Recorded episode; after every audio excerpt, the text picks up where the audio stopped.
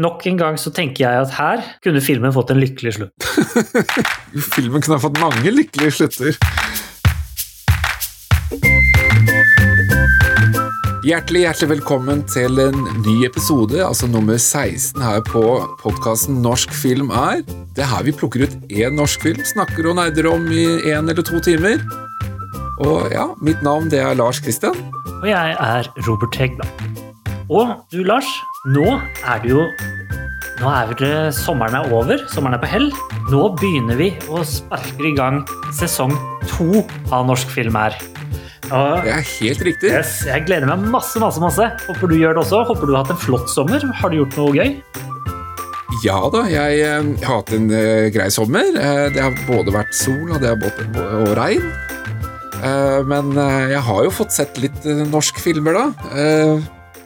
Eller i hvert fall noe norskrelatert, da.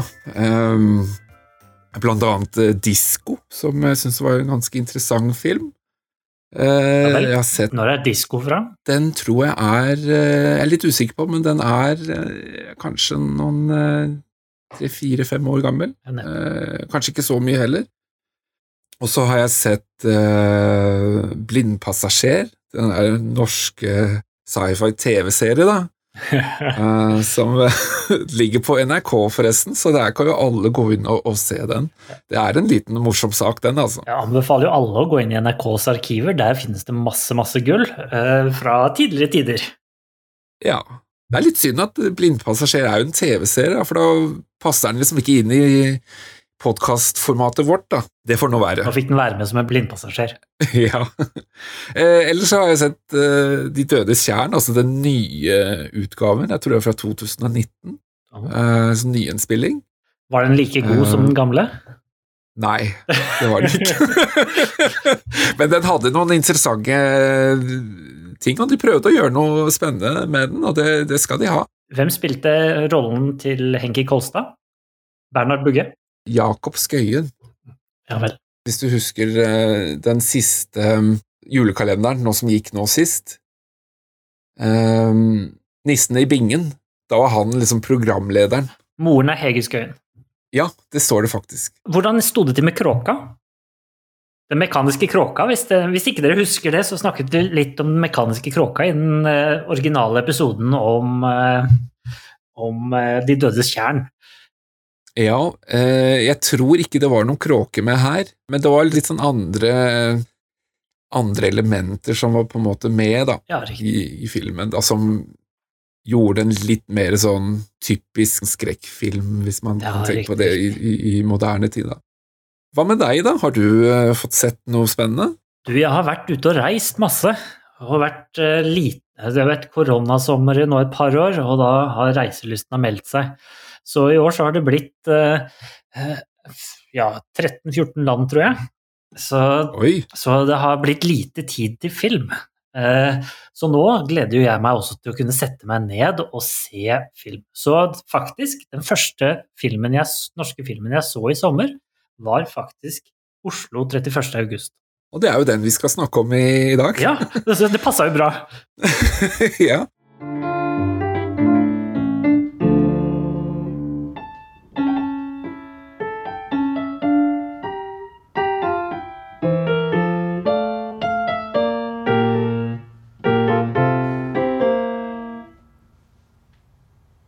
Det som også passer veldig bra, da, det er jo at eh, vi er jo i august nå. Det er jo snart 31. august. Ja, det er vel 28. august i dag, og så vidt jeg vet, så foregår jo mesteparten av denne filmen egentlig den 30. august. Ja, det er helt riktig. Eller i hvert fall 50-50. Så det er jo natt til 31., Ja. hvis man skal så, ha det helt teknisk eh, korrekt, da. ja. Det passer kjempegodt med den Oslo 31. august. Hvorfor i all verden valgte du den filmen? Det er jo et godt spørsmål, som vi har vært litt inne på nå. Da. Det, det, det passa jo veldig godt med, med, med selve datoen og tittelen. Eh, det var jo et litt art, artig vri. Men så er jo også litt sansen for han her eh, Joachim Trier, og disse her filmene han har laget. Denne filmen som vi skal snakke om i, i dag, det er jo en del av en slags Oslo-triologi. Ja, det har jeg også hørt om.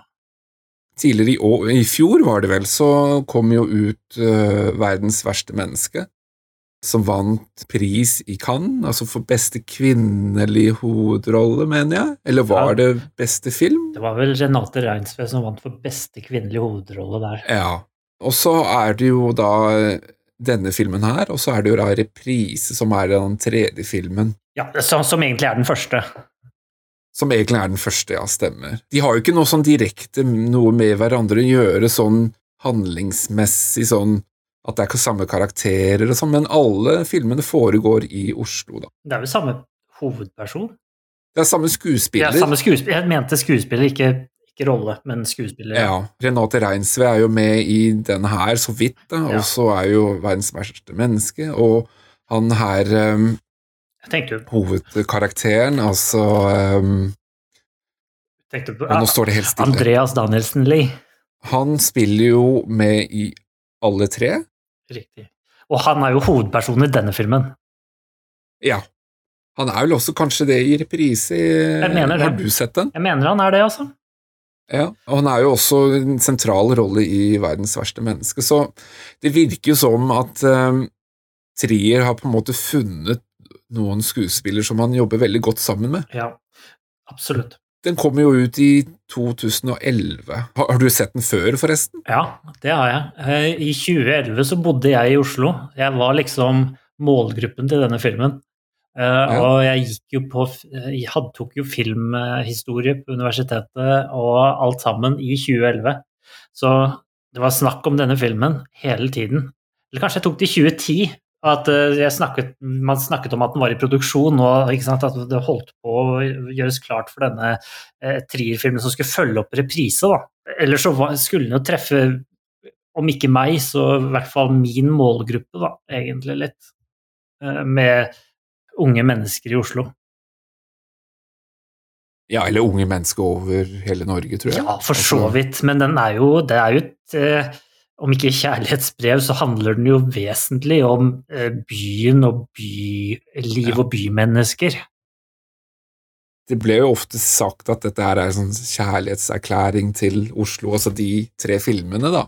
Og dette med denne kjærlighetserklæringen til Oslo, det handler jo først og fremst om at Oslo er bakteppet til filmene, ikke nødvendigvis at du, du, du blir et bra menneske av å være i Oslo. Det er jo heller det motsatte. ja. ja, du som har bodd i Oslo, eh, er er det tilfellet? Altså, selv om ikke dette passer på meg, så kjenner jeg det igjen. Jeg har jobbet i Oslo, altså pendla til Oslo. Eh, Jeg må jo si at det er jo ganske stressende samfunn i Oslo, da. Altså man, man skal pendle inn og ut og gjennom Oslo S og det, det, Ja, det det er- det er jo sitt eget liv der. Denne filmen handler jo da om unge mennesker som eh, sliter med eller har klart å tilpasse seg hverdagen på en måte. Eh, og spesielt da hvis vi ser 20-årene og starten av 30-årene som denne filmen tar for seg, da, så er nok det et ganske godt bilde.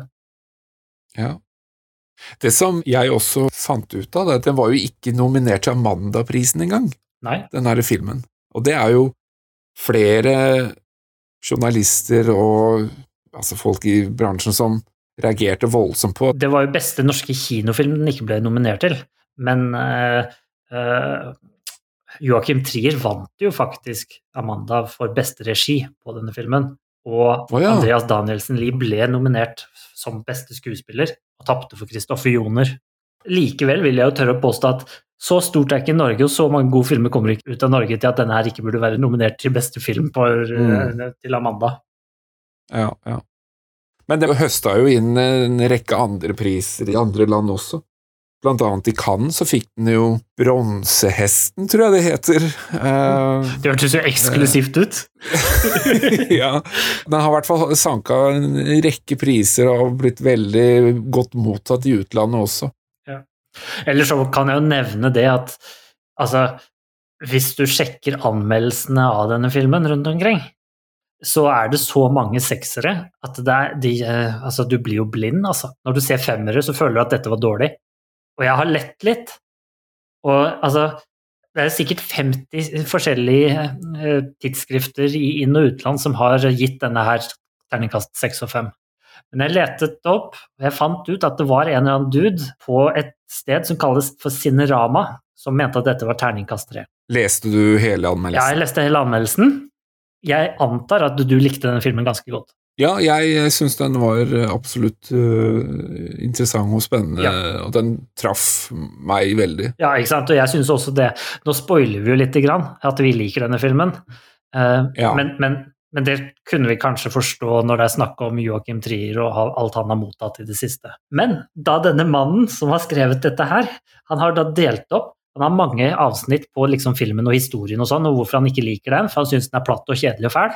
Og egentlig bare full av vanligheter som på en måte dukker opp på dårlige replikker som ja, ja, eh, prost er prost og sånn. Eh, eh, så jeg strengt tatt syns det var veldig gøy når Brenner tok leverte den replikken, men det får så være. Og så driver han og snakker om det tekniske, og han snakker om at håndholdt kamera, naturlig lys, og at det er mer kornete enn en åker i Kansas, og det, det er ikke måte på hvordan den får gjennomgå. Eh, Ja. men han, han mener det at dette her egentlig er kjedelig, men teknisk kompetent, og hvis det er det, så må det jo være kunst, og dermed bra. Og han mener kanskje at pressen da på en måte har sett vekk ifra at man kanskje kan kjede seg litt. Han mener da at han synes det er rart da, at alle synes at den var så god. Det som er litt interessant, det er jo at de tingene som han trekker fram som han syns er dårlig med filmen, er jo akkurat de samme tingene som jeg syns er bra med filmen. Ikke sant? Altså- det er det som er poenget Altså her. det med voiceoveren, replikkene, filmen var sånn grumsete og sånn. Jeg syns det tilfører noe av den gode stemningen. Og så driver han også og kritiserer ganske kraftig hvilken bilder av Oslo som er brukt. Altså han, Ja, han, han mener at dette her er Bislett og handlegater som er flotte, og Majorstuen og fine leiligheter og sånn, og egentlig litt intetsigende. Ikke like ekte som det kanskje kunne vært. Men eh, etter hvert som vi kommer til filmen, så kan vi snakke litt grann om, om det. Vi skal prøve å rive den her litt i stykker. Det er jo andre filmer som også kom ut i eh, 2011. Hvilken film var det som eh, vant Amanda det året, Lars? For beste norske film? Det mener jeg det var en film som heter Få meg på, for faen. Det var jo litt av en tittel. Ja, det er litt av en tittel, men det, jeg tror det var litt av meningen også. Jeg tror mange kjenner til Hodejegeren, er jo kanskje den som man husker best av de som kom ut det året. Ja, Hodejegerne, det, det er Morten Tyldum. Veldig Ja, Som etter den fikk eh, lage film i utlandet. Store filmer. det er filmer som eh, Pushwagen, en dokumentar om denne kunstneren, og som eh, er litt sånn spesiell, syns mange. Har du sett Pushwagner på Tjuvholmen i Oslo? Astrup Fearnley. Ja, riktig der, ja. Jeg var ikke og så på den, eh, men jeg, men jeg kjenner liksom til verkene hans, sånn sett, så jeg vet jo hva, Jeg husker at det var en han har gjort. interessant eh, dokumentar. Ellers er det jo Sønner av Norge, som er en film som ikke må forveksles eh, med en eldre film, norsk film, som også heter Sønner av Norge. Knerten i knipe. Er ikke Knerten i knipe med han Åsleik Engmark som Knerten? Jo. Han døde vel etter, etterpå? Eller tar Det jeg helt stemmer at han, han, han døde, men jeg husker ikke helt når han eh, Nei, han døde i 2017, kan- ser jeg. Så no, en del år etter. ja. Ja, Kong Curling eh, eh, kom ut, og så er det jo en rekke Varg VM-filmer som også kom ut, da. Vanligvis er det jo litt tynnere på den norske siden enn det det er i utlandet. Ja, hva er, har vi fra utlandet? I utlandet så har vi et spennende år. Altså et skikkelig, skikkelig spennende år som jeg husker var veldig hypa det året det var. Fordi vinneren av Academy Awards Det var en film som het The Artist. Husker du den, Lars? Ja, den har jeg sett. Ja. Eh, det er jo da en eh, svart-hvitt stumfilm laget i 2011. Eh, med unntak av helt på slutten, kanskje, der. Men det er altså den første film, stumfilmen til å vinne Academy Awards siden 1929. Og kun den andre. Ja, så det er kun to film, stumfilmer som har vunnet. Yes, fordi de begynte med Academy Awards etter at stumfilmperioden var egentlig over. Eh, Så. Men det, er, det synes jeg er, er veldig litt gøy, da. Dessuten så er jo det en film som er en kjærlighetserklæring til filmspråket. Eh, Ja. og, og den er egentlig ganske fin, synes jeg, da. Mm. Eh, Ellers så var det et par andre. Eh, En av mine favorittfilmer med barn i hovedrollen kom i 2011. Eh, Hugo. Martin Scorsese som lagde den. Jeg synes er veldig fin. Burde alle se hvis ikke de har sett den. Eller så var det en film som heter The Help. Jeg vet ikke om du husker det. Ja, Husker den, eh, den har, husker jeg, ja. Og eh, Woody Allen stakk av med beste originale screenplay for Midnight in Paris. Og så tenkte jeg jeg skulle nevne en siste, eh, og det er den personen, tror jeg, som står med flest Nei, det gjør hun kanskje ikke. Står med flest nominasjoner eller noe sånt i Academy Awards sin historie. 21 stykker. Meryl Streep, som vant Ja, det var hun jeg tenkte på. som vant for beste kvinnelige hovedrolle i The Iron Lady, hvor hun spiller Mar Margaret Thatcher. En fantastisk bra film, faktisk. Verdt et syn hvis du Hvis du enten har lyst til å gjøre narr av Mar Margaret Thatcher eller ikke. Vi kan jo nevne beste utenlandske film, fremmedspråklig film. Det var en iransk film som heter A Separation. Har du hørt om den? Nei, Nei. det har jeg ikke. Den har jeg faktisk hørt om, jeg har aldri sett den. Eh, Så den kanskje er verdt å se. Eller så ble det laget en film i Polen som heter In Darkness, som handler om andre verdenskrig, som skal være skikkelig drøy.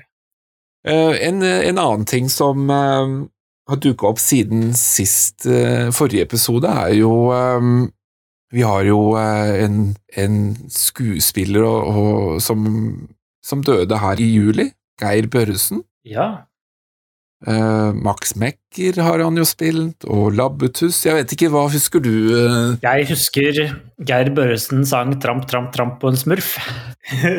Ja, den, uh, den han, har, han har vært så mye innom så mye. ja, altså Sunget sanger, vært på teater og filmer og TV og alt mulig. Ja, altså Geir Børresen, Jeg husker jo Geir Børresen først og fremst som Så vidt det er som Labbetuss og Max Mekker i hovedsak. Eh, Men så husker du, vi hadde jo denne her Håkon Håkonsen-episoden, hvor, hvor jeg dro fram Geir Børresen eh, og tenkte at han kunne jo vært inn i det, en av eh, den, apen som var der. Eh, Men det var han ikke. Vi spekulerte jo i det, da, men Det var han dessverre ikke. det var nok ikke det. Nei. Men jeg husker han nok best som labbetuss. Ja. Ja, det var en litt trist dag, det der.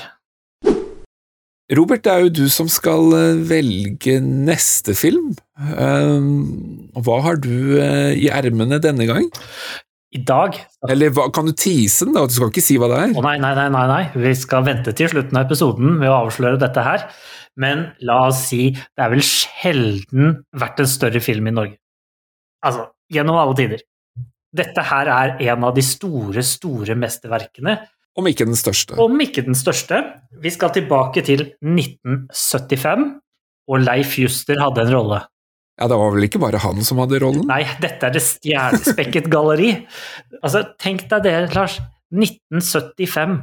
Årene hvor vi, var, hvor vi måtte lide oss igjennom sosialdramaer og dritt.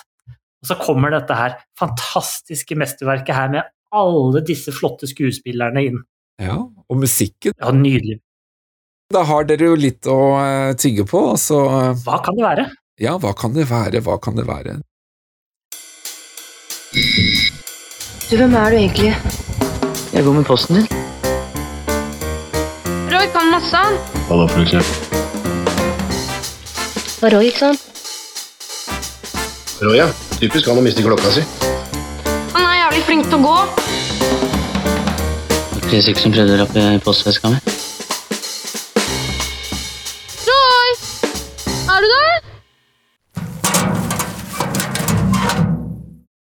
Men du, Lars, vet du hva? Vi har fått post. Vår budbringer, han har kommet med nye beskjeder til oss, har han ikke det?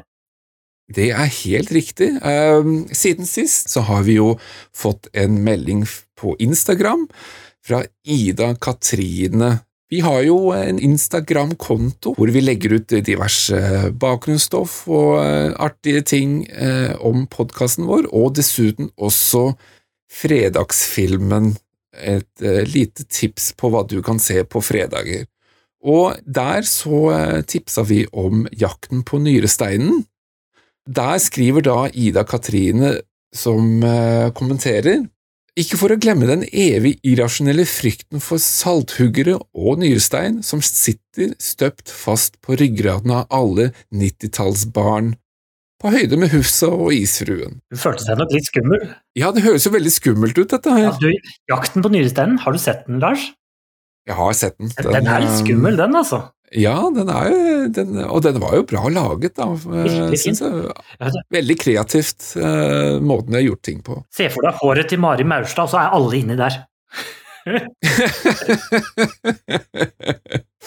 ja. Og nå som du hører på vår podkast, så har du kanskje funnet den på én av våre plattformer, men vi er på mange andre. Vi er på Apple, Google og Spotify, og for ikke snakke om så har vi en egen nettside som heter Norsk film er. Eh, Der, der, der burde dere subscribe, og så kan dere høre og få beskjed om når neste episode kommer. Det pleier å komme en gang, en gang i måneden. Vi er jo dessuten også på sosiale medier, altså på Facebook og YouTube. Har du spørsmål eller kommentarer, tips til filmer som du vil at vi skal se og snakke om, gå inn på vår Facebook-side, Norsk film er, og ja, del dine tanker der. Dessuten har vi jo da, som nevnt, en Instagram-konto også. Det hørtes jo veldig bra ut. Nå har det seg sånn at vi kommer til å spoile filmen eh, så, og gå gjennom den ganske nøye, så det kan være en fordel om du har sett denne filmen på forhånd. Så sett podkasten på pause, og så tar du og eh, ser filmen. Den varer bare halvannen time, det er fort gjort. Og så kan du høre på denne nydelige podkasten da i etterkant. Men du, Lars, hva handler denne filmen om, egentlig? Oslo 31. august handler om Anders, som eh, er i ferd med å avslutte sin behandling på et rehab-senter. Eh, Og da får da Anders en fridag.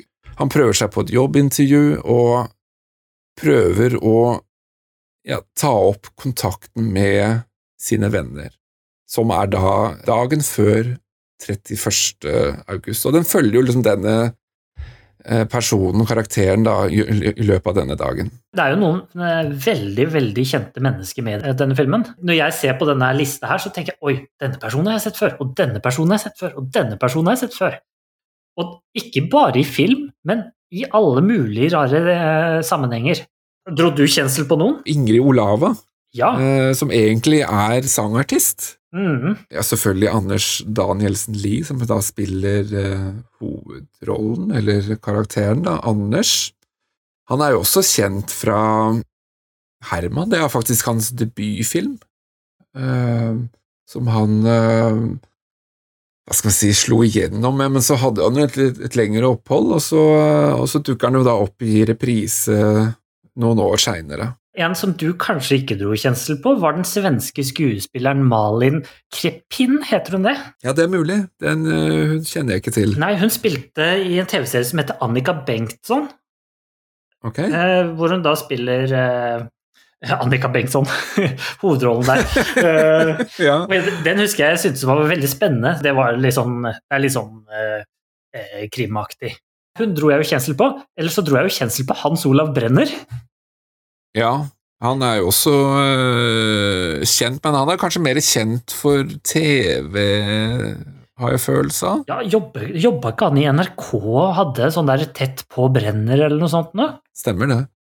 Eh, og han har jo jobba i radio også, så øh, det er jo ikke veldig mange filmer han har vært med i, da. Men den her, da. Og, og har han vært med i en TV-serie som kanskje noen husker. Ellers, ellers må jeg si det at jeg likte samspillet til uh, Brenner og, og Lie i denne filmen. Ja, ja, ja absolutt. Veldig, veldig fint. Det var veldig god, hva skal vi si, kjemi, hvis man kan si det på den måten. Ja, tonen og måten Man føler at de kjenner hverandre, men har mista litt kontakten. Men det er sånn som vi kommer litt tilbake til, ja, ja, det er klart vi tar dette bit for bit.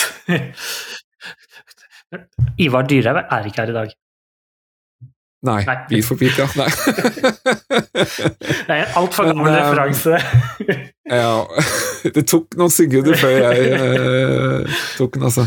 Eh, men dette er jo faktisk en eh, Kall det en altså, Det er kanskje ikke en remake, men den er jo inspirert av eh, Fra en bok, denne filmen. Jo, det er riktig. Den er jo inspirert av en fransk novelle. Eh, uten Ja. at jeg husker navnet på den i farta. Uh, Den, Sitter du på den heter Le, Le Fou Follet. ja, jeg vil bare få deg til å si det. Ja, uh, jeg er veldig god i fransk, jeg også, så det er bare å spørre. ja. Som du sier, det er en novelle fra 1931. Jeg kom på en annen ting, forresten. Mange av disse skuespillerne i denne filmen heter det samme i filmen som det de heter i virkeligheten. Ja, det, det stemmer det. Eh, Det la jeg også merke til. Så jeg tenker at dette her er for å prøve å gjøre det eh, så ekte som mulig. Bare si at dette her er eh, Andreas. Eller Anders. Og så har de de som Ja. har vært skikkelig kjente, på en måte, de har fått andre navn. Eksempel Ingrid Olava, liksom. Så du må bare bytte navnet Ja. for, å- for å gi henne en rolle og ikke være seg selv. Ja da, det kan godt hende. Jeg tror, jeg tror egentlig kona til uh, Anders Danielsen Lie også er med. En liten Det er hun, og hun spiller Iselin. Ja, og hun heter jo Iselin. Men jeg så ikke noen som het Iselin i filmen. Nei, men hun har en liten rolle, så vidt jeg vet. Hun sitter vel Kanskje hun bare sitter eh, og ikke sier noe. Hun kan være en av de som snakker i starten under eh, i åpningssekvensen. Det kan godt hende. Jeg fikk ikke helt has på hvem alle de var. Skal vi hoppe til starten av filmen? La oss gjøre det. Ja, for de har, de har jo allerede akkurat nevnt dette her med disse her personene som forteller noe om Oslo by, minner da, som de husker fra ja, fra tid de kanskje har studert der eller bodd der, og så, så viser de da en rekke gatebilder og bybilder da, fra, fra Oslo. Blant annet dette er Philips-bygget da, som ble revet da. Man tenker kanskje at mange husker da veldig godt da, når det ble revet, eh, at det var en stor begivenhet. eh. Husker du det, Lars? Jeg husker det var mye snakk om det, ja. Ja. Men jeg var jo ikke der, da. Det var veldig få som var akkurat der. Eh, Den ble jo for øvrig revet i år 2000, Ja. så det er jo noen år før filmen kom ut, da, eller filmens handling, hvis man tenker seg at dette skjer i 2010 eller noe sånt. Dette her gir jo mening, for så vidt. Altså, de, alle disse tilbakeblikkene, eller bildene, blir jo gitt på bakgrunn av hva som blir sagt i voiceover av forskjellige skuespillere. Og det, det de sier, er jo hva de husker, og hva de kjenner igjen, og hva de tenker på når de får liksom høre Oslo Felles for alle dette her er jo ting som de husker som er gjort veldig altså, ja, som har gjort stort inntrykk på det, som nå som de faktisk husker veldig godt. Det er kanskje, altså, hvis de har bodd kanskje flere år i Oslo, så er det kanskje dette her de husker spesielt, da. Ja. ja Jeg tenker jo at dette her det er noe av det sentrale i filmen, da. For det er jo på en måte noe av det Anders han på en måte søker. Da. Alt, har, alt har forandret seg nå. ja. Idet han kommer ut av den der rehab-senteret, så er jo alt forandret seg. Han prøver å søke tilbake til de tingene som han husket, altså venner, gå til steder han har vært på før, som han husker veldig godt. Han har jo vært seks år i rehab.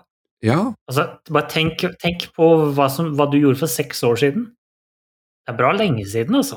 og spesielt hvis man er yngre, på en måte, eller student kanskje, eller i den alderen, da. 34, han sa jo at han var 34. Tenk på hva alle de andre opplever, og hvordan, hvor mye de forandrer seg. Og det er jo noe av det som han opplever når han kommer ut igjen. Ja, fordi at når han kommer ut igjen, så møter jo han da Thomas, er det ikke det, og, som var hans beste venn. Ja. Eh, og, og hans kone, som da har et barn som er under seks år gammelt. Tror du ikke det? Eller som bare akkurat seks, bare akkurat seks år gammelt. Så han, han husker det bare så vidt. Ja, fordi han, Thomas han står jo i trappen, og så sier han faktisk til Mm. datteren 'Husker du Ja. Anders?' Ja, så, så hun er jo kanskje syv, da. Ja. Men, men rett før dette her, jeg, jeg vil eh, dra tilbake til dette Philips-bygget. ja. Fordi alle disse tingene som blir sagt, er jo ting som disse personene i nåtiden det står og sier at de husker fra den gangen de flyttet til Oslo. Mm. At alt virka så stort, og så ble alt veldig lite.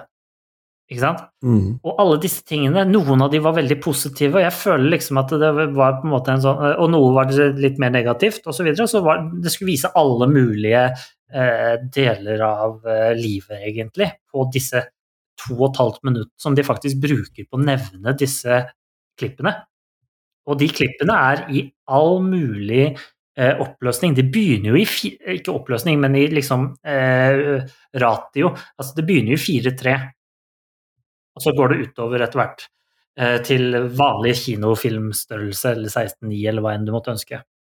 Selv om vi ikke går fremover i tid. Det er jo alt fra positive til nøytrale opplevelser. Ja, det var vel noe negativt òg inni der?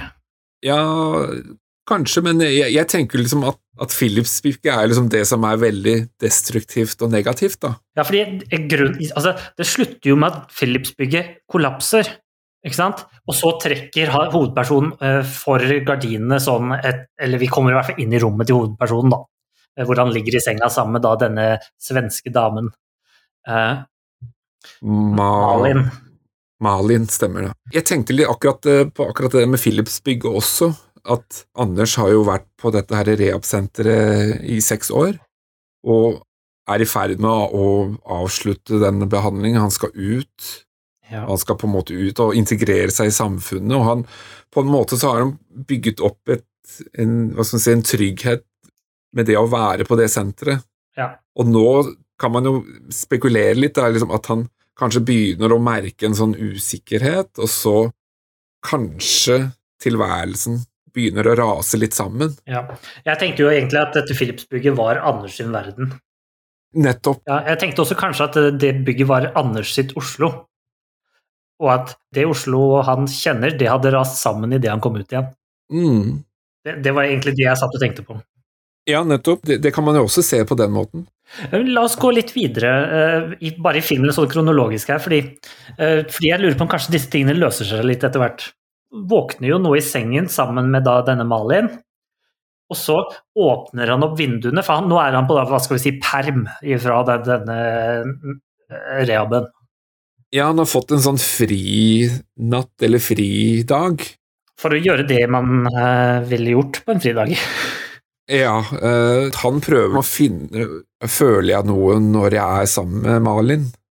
Ja. Og det er jo det han da sitter seinere sammen med Thomas og, og kona hans. Han sier jo at nei, han, han føler ingenting. Altså, Han trodde han skulle føle noe, ikke sant? og det er jo det han på en måte sliter med. ja, når han sitter hos Thomas og Rebekka, som jeg tror kona heter, så er det jo sånn at de, kjenner, de er jo et par, de har gått videre i verden, og det, det dukker opp et spøkelse nærmest fra fortiden. Ja, det kan man egentlig på mange måter si. Som de på en måte synes ser ut som et spøkelse også, på mange måter. Det virker ikke som at de har sett ham på seks år. Nei, det er i hvert fall et godt, stykke, egentlig. Ja. Ja. Men, men eh, jeg vil trekke fram en liten sånn filmatisk ting til eh, fra dette her, når han faktisk våkner og, i senga og har Malin ved siden av seg, antar jeg der, og går bort til vinduet, og så åpner han gardinene, som er blendingsgardiner som, som er foran vinduet, og det som åpner seg foran han, er rushtrafikk. Hans nye hverdag er stress, slitsom, problemer, trafikk, alt det vanlige som han på en måte ikke egentlig er klar til. Det er hva jeg tenker her. At dette er liksom hans start. Han ser åh, dette er vanlig, dette orker jeg ikke, dette gidder jeg ikke sjøl. Fra det rolige og trygge til det Ja. usikre og kaos, liksom. Kaos, ja, rett og slett. Altså, og, og hvis dette her er det virkelige, ikke? Så, så må jeg prøve å finne noe annet som kan være bedre. Malin var ikke bra, sant? det fant han ut når han var i senga. det fant han ut der. Åpner han vinduet, vinduet er fremdeles dritt. Ikke sant? ja, ja.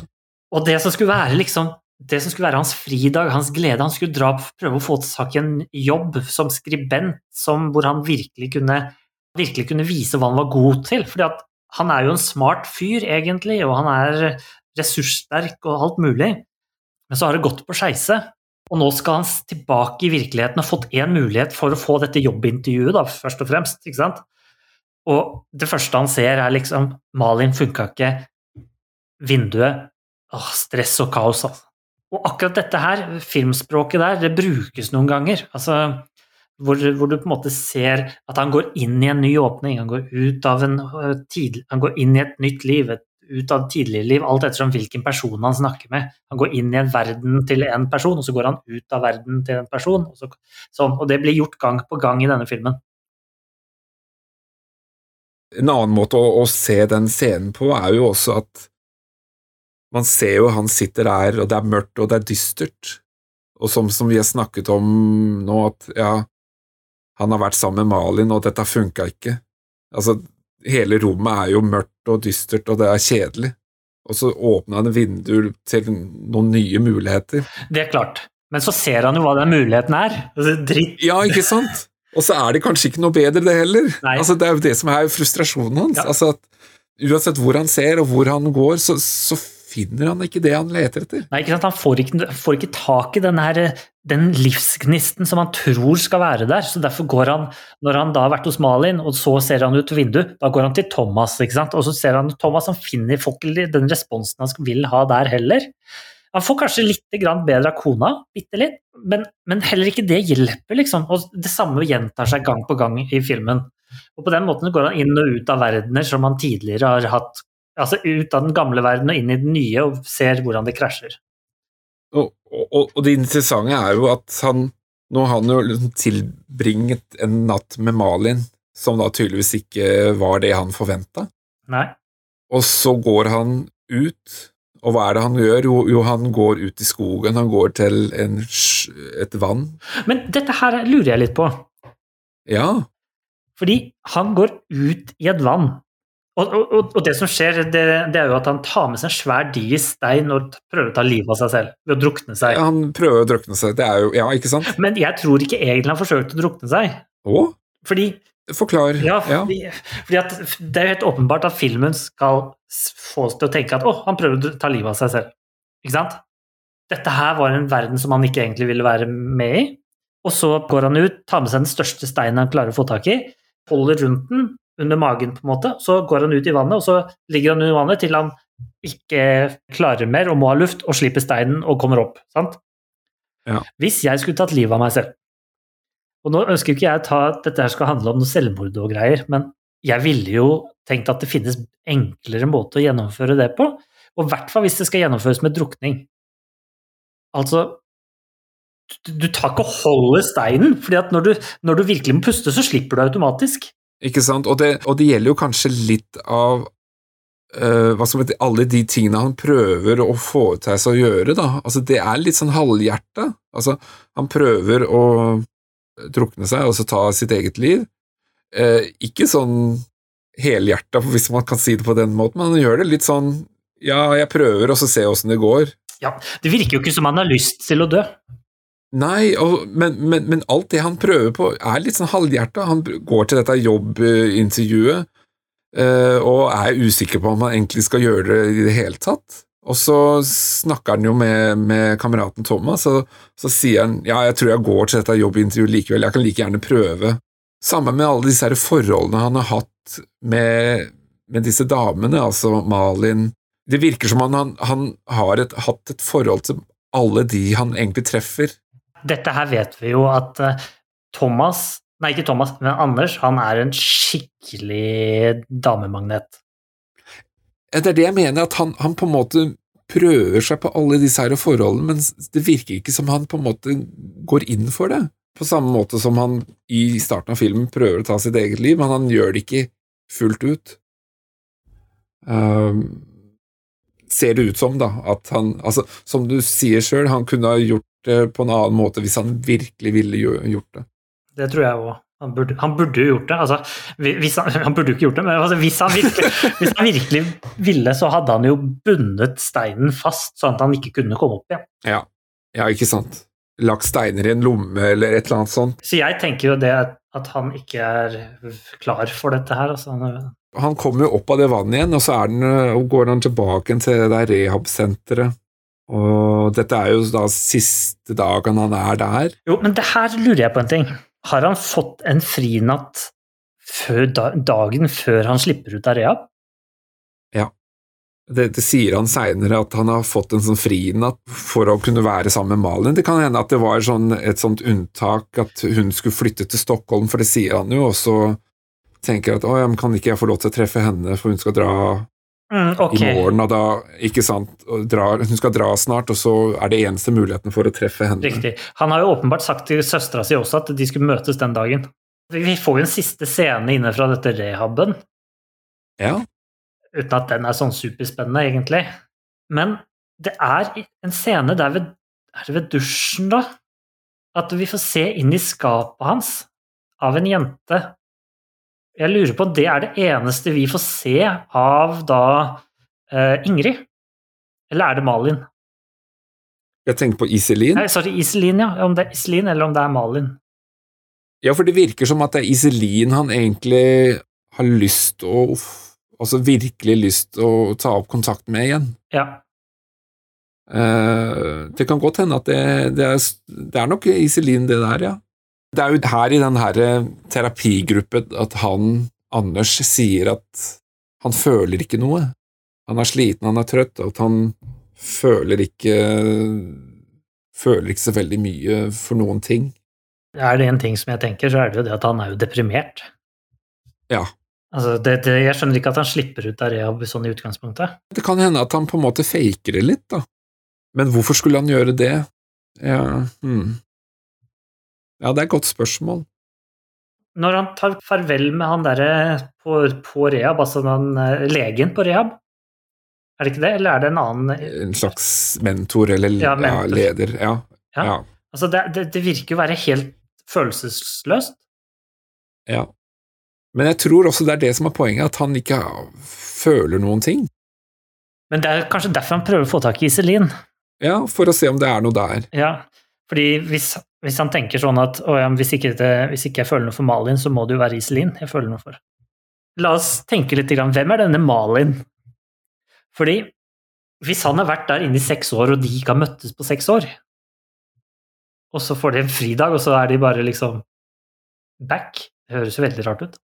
Altså, Det kan godt hende at han har hatt kontakt med henne sånn på telefon og ringt. Ja, jeg sånn. lurer på, det må, ha vært, må jo være noe sånt. Men det virker jo ikke som at det kan, Og det kan jo godt hende at folk har vært der på besøk, eller han har fått lov til å komme ut i noen timer og sånn.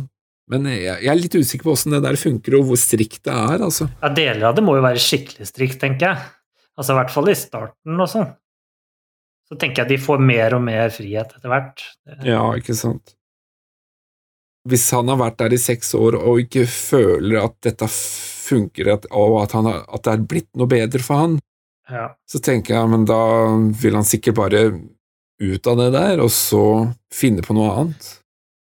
Så er vi jo nå ferdig med eh, rehab-scenen, eh, hvor vi nå da går inn i et bilde, en liten Oslo-bildesekvens igjen, hvor vi da ser at han reiser fra landet og inn til byen. Altså vi ser liksom Oslo Skyline à à la 2010, som ser litt annerledes ut enn i dag.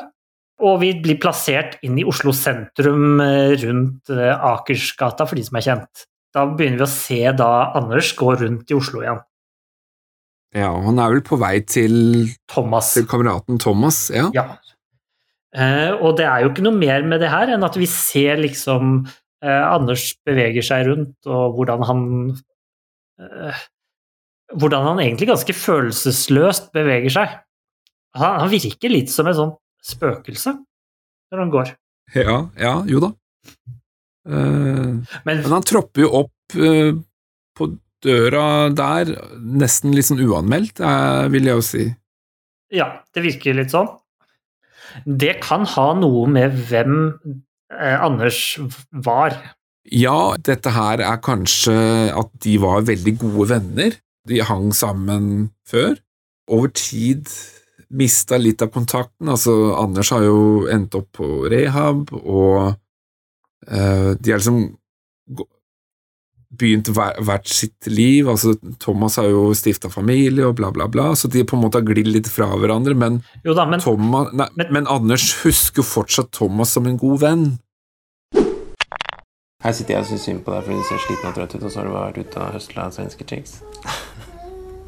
Jeg vet ikke Ehm, var liksom ikke helt med. Jeg, kanskje jeg skrudde opp forventningene. Jeg følte liksom ingenting. Hva er det Prost sier, da? Å prøve å forstå begjæret ved å se på en naken kvinne, kvinnekropp er som å når et barn prøver å forstå tida ved å ta fra hverandre en klokke. Jesus. Han prøver å fortelle deg om personer, liksom. Så, og så svarer han med litteraturvitenskap. Er det bare sånn fordi, at bare fordi han sier noe personlig, skal jeg si noe personlig tilbake? liksom, er det det? Nå, jeg har jo ikke ligget med svenske chicks på evigheter. Jeg jeg... vet at du holder tellinga på deg, men, men poenget hans var uansett motsatt av det Prost-sitatet ditt. sant? Han sa at han ikke følte noe begjær. Du må i hvert fall følge med på hva han sier, da. Prost. Prost er prost. Så Det er jo helt åpenbart det at de har vært kjempegode venner. Men Thomas har jo stiftet familie før han drar på rehab. Også kona til Thomas kjenner jo han igjen. Ja, under den derre samtalen med Thomas, Rebekka og Anders Ja. Det kan jo virke som at det har vært en sånn øhm, urolig fortid, da. Så de har på en måte hatt et liv før, øh, eller kanskje mens øh, Thomas og Rebekka har liksom begynt å ha hatt et forhold, kanskje, kanskje fått en unge, og så har Thomas og Anders drevet og hengt ute og dopa seg. Ja, ja for nå er vi jo fremdeles inne i leiligheten hvor den første delen av samtalen foregår. Dette er jo starten på en samtale som kommer til å vare en halvtime omtrent. Uh, i, i, altså i filmen. Og det er en tredjedel av filmen.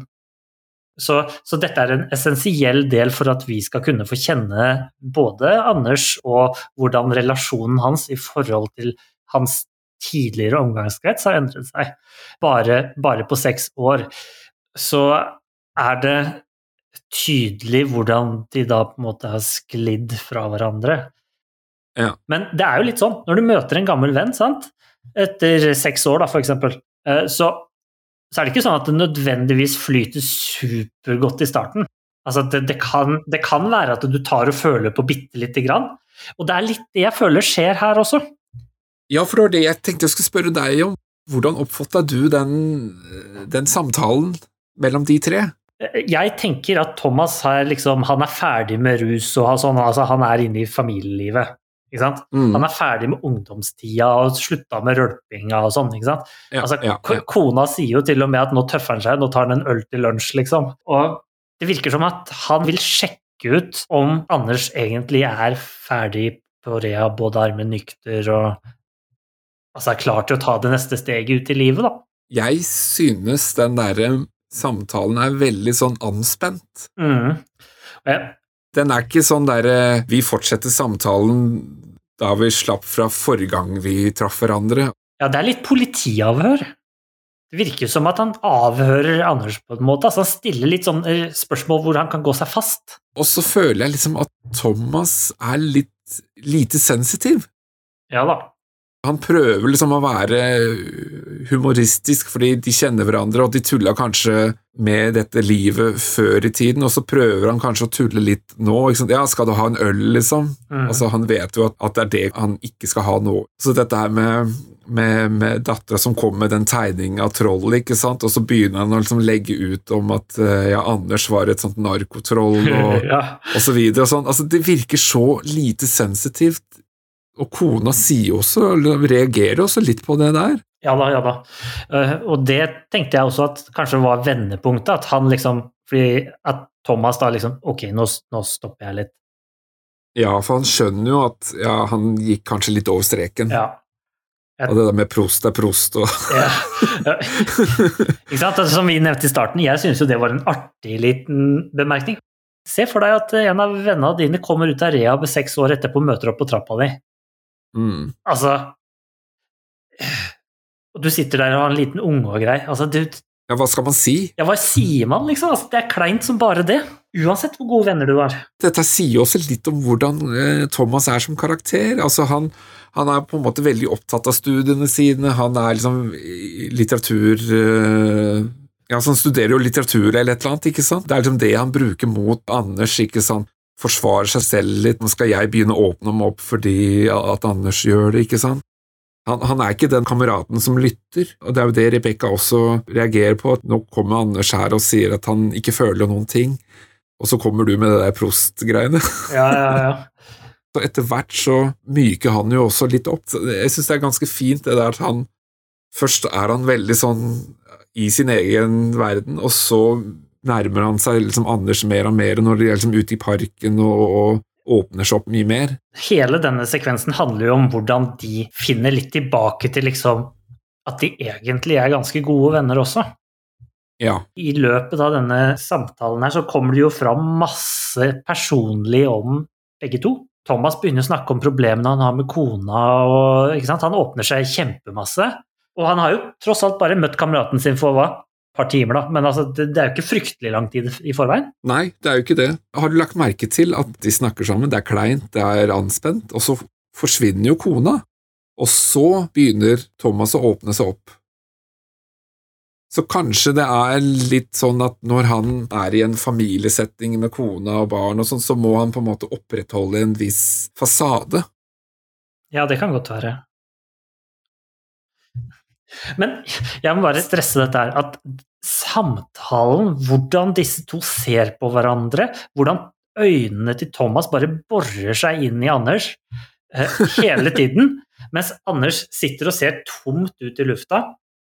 Altså, jeg synes det er helt strålende. Gjennomgående.